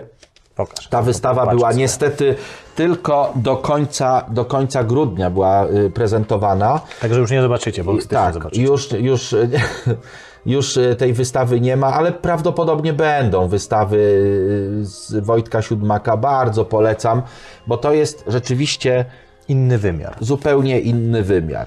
Słuchajcie, żeby Sfinksa nowego uzyskać, musicie zmniejszyć się do poziomu takiego, żeby rozwinąć wszystkie wymiary, które znajdują się w protonie, siłowo to zrobić i w tym momencie, jak to zrobicie, pojawi się Wam możliwość uzyskania nowego Sfinksa. Bo będziecie w atomie, jest proton i będziecie jak ato, Atos, Protos, Portos i I Aramis. Kwarkus. I Kwarkus. Kwarkus Quirinius Maximus. Dokładnie. E, tak, to jest nowy Sfinks. I co tam w Sfinksie słychać? Oczywiście, w tym najnowszym skwin, Sfinksie. A. Yy, teraz nie pokażę. W innym odcinku yy, może trochę więcej powiem. Tutaj jest y, znakomite opowiadanie, świetne opowiadanie Feliksa Kresa, Zabity. Feliksa Kresa, którego już nie ma wśród żywych. Chłop w sile wieku i niestety zmarł. Bardzo to przykre, bardzo takie nie, nie, nie, niesympatyczne, ale jest, moi drodzy, żeby nie było tak smutno, na stronie 69, Ojej. 6 na 9, nie Ulu- wiem co to znaczy. To jest ulubiona strona Ivera który, i Wieczora, którzy na Astrokawach, jak z książki losujemy strony, zawsze od początku istnienia tego programu podają tę konkretną stronę, nawet jak już była ta strona wylosowana w książce. Tak, 6, 6 na 9, tak. Tak, oczywiście. To Widocznie jest internetowy, lubią- internetowy, internetowa liczba y, heszków, nazwijmy to. E, Na tej stronie jest e, między nauką a fikcją, czyli mój stały felieton. e, Tym razem, czy wodór jest naszą szansą. No właśnie, więc jak chcecie się dowiedzieć, czy wodór jest naszą I szansą, tak. to musicie rozwinąć wymiary Tak. w protonie, w Też elektronie jest, właściwie. też jest moja polecanka, obrazki, które wciągają o pewnych komiksach. Ja coraz więcej komiksów teraz czytuję i naprawdę pro, niektóre o problemie wychodzą... narkomanii wśród bohaterów komiksów. Jest. Obrazki, które wciągają. O Jezu, to ty, powiem ci tak, twoja wyobraźnia wędruje w takie e, przestrzenie, w takie wymiary. Przestrzenie Koskowskiego. Tak. e, Słuchaj, wr- wróćmy do e, tego. Żeby, żeby jeszcze, poczekaj, ja muszę sobie przypomnieć, e, SF pisane razem com.pl Wrzucimy w opis. To jest tam. ten, to jest miejsce, gdzie można to sobie kupić i, i różne książki, e, książki SF, także jest to... e, No nawet trafiłem, na czy wodór jest naszą szansą. Tak. Widzicie tutaj, żeby nie było, że oszukane jest. nie? O To- kurczę, czy, czy wodór jest naszą szansą? Dokładnie. Dobra. A czy wyższe wymiary są naszą szansą? Są naszą szansą, ja, ja tak sobie to wyobrażam, wiesz, są naszą szansą na to, żeby spróbować metodami matematycznymi opisać nasz świat. I żeby opis tego świata jako końcowy rezultat dał coś, co uda nam się wykorzystać w naszym świecie. Tym świecie trójwymiarowym, wzbogaconym o strzałkę czasu, o upływający czas. Bo my tak naprawdę, i wiesz, to, to mogą być różne rzeczy, bo my jesteśmy istotami póki co czterowymiarowymi, czyli trójwymiarowe byty przemieszczające się nieustannie w czasie w przód. Pr- Mam nadzieję, że te jakby te, te wielowymiarowe dywagacje, które są prowadzone yy, cały czas, że one pozwolą nam na to, że będziemy mogli choćby w tym czasie dokonać zwrotu, choćby jakąś pętelkę tam stworzyć niewielką, choćby o, cofnąć się, żeby nie marnować taśmy celuloidowej, na której nagrywamy ten program, to cofnąć się w czasie, żeby powtórzyć jeszcze raz ujęcie bez marnowania taśmy. To już się wydarzyło, nie mamy tu taśmy. Ni grama. O kurczę, o kurczę. Czyli z, A więc się udało. zrobić zwrot przez Czasosztag, jednym słowem. Tak czasosztag. To na koniec jeszcze raz przeniesiemy się do innego wymiaru, e, wymiaru patrona naszego dzisiejszego odcinka, czyli aplikacji BookBeat. I znów jesteśmy w innym wymiarze. Ja jeszcze raz chciałem przypomnieć o prezencie od partnera dzisiejszego odcinka, czyli aplikacji BookBeat, czyli aplikacji z audiobookami i e-bookami. 45 dni czytania i słuchania za darmo dla nowych użytkowników, o ile zarejestrujecie konto do 28 lutego. Także link w opisie, e, kod to Astrofaza. Miłego słuchania, miłego czytania, a my wracamy ponownie do naszego wymiaru Pop Science. Ło, ten przeskok, Hurra, hurra! Tak. nie, ten przeskok czasoprzestrzenny, właściwie ci przeskok tak. międzywymiarowy. Ja bez przerwy czuję te przeskoki, nie wiem, ale to, to też jest tak, że jak umysł zaczyna ci wędrować dwoma torami naraz, to też jest tak, że, że wiesz, myślisz o czymś, a coś innego cały czas gdzieś tam trwa. Jeśli to jest jeszcze To dwoma tak dziwne torami rzeczy. przy dworcu kolejowym, to chociaż w tym samym kierunku, ale gorzej jak się już rozchodzą. Jak się zaczynają rozchodzić, gorzej jak tym samym torem i się schodzą. Asymptotycznie jednak lepiej, żeby się Asym- schodziły. Tak, lepiej asymptotycznie jeśli do chodzi o kolejnictwo. Słuchajcie moi drodzy, no to co? E, dzięki serdeczne, dzięki serdeczne za to, że byliście z nami, dzięki serdeczne za to, że e, oglądaliście Pop Science o wymiarach. Mam nadzieję, że udało nam się troszeczkę chociaż rozjaśnić Wam e, mroki tego zagadnienia. Tutaj macie datę, kiedy pojawi się kolejne Pop Science. My się widzimy wtedy z Wami. Trzymajcie się, do zobaczenia i cześć. A zapomniałbym. Haha, widzisz. I poznałeś mnie, jestem z innego wymiaru.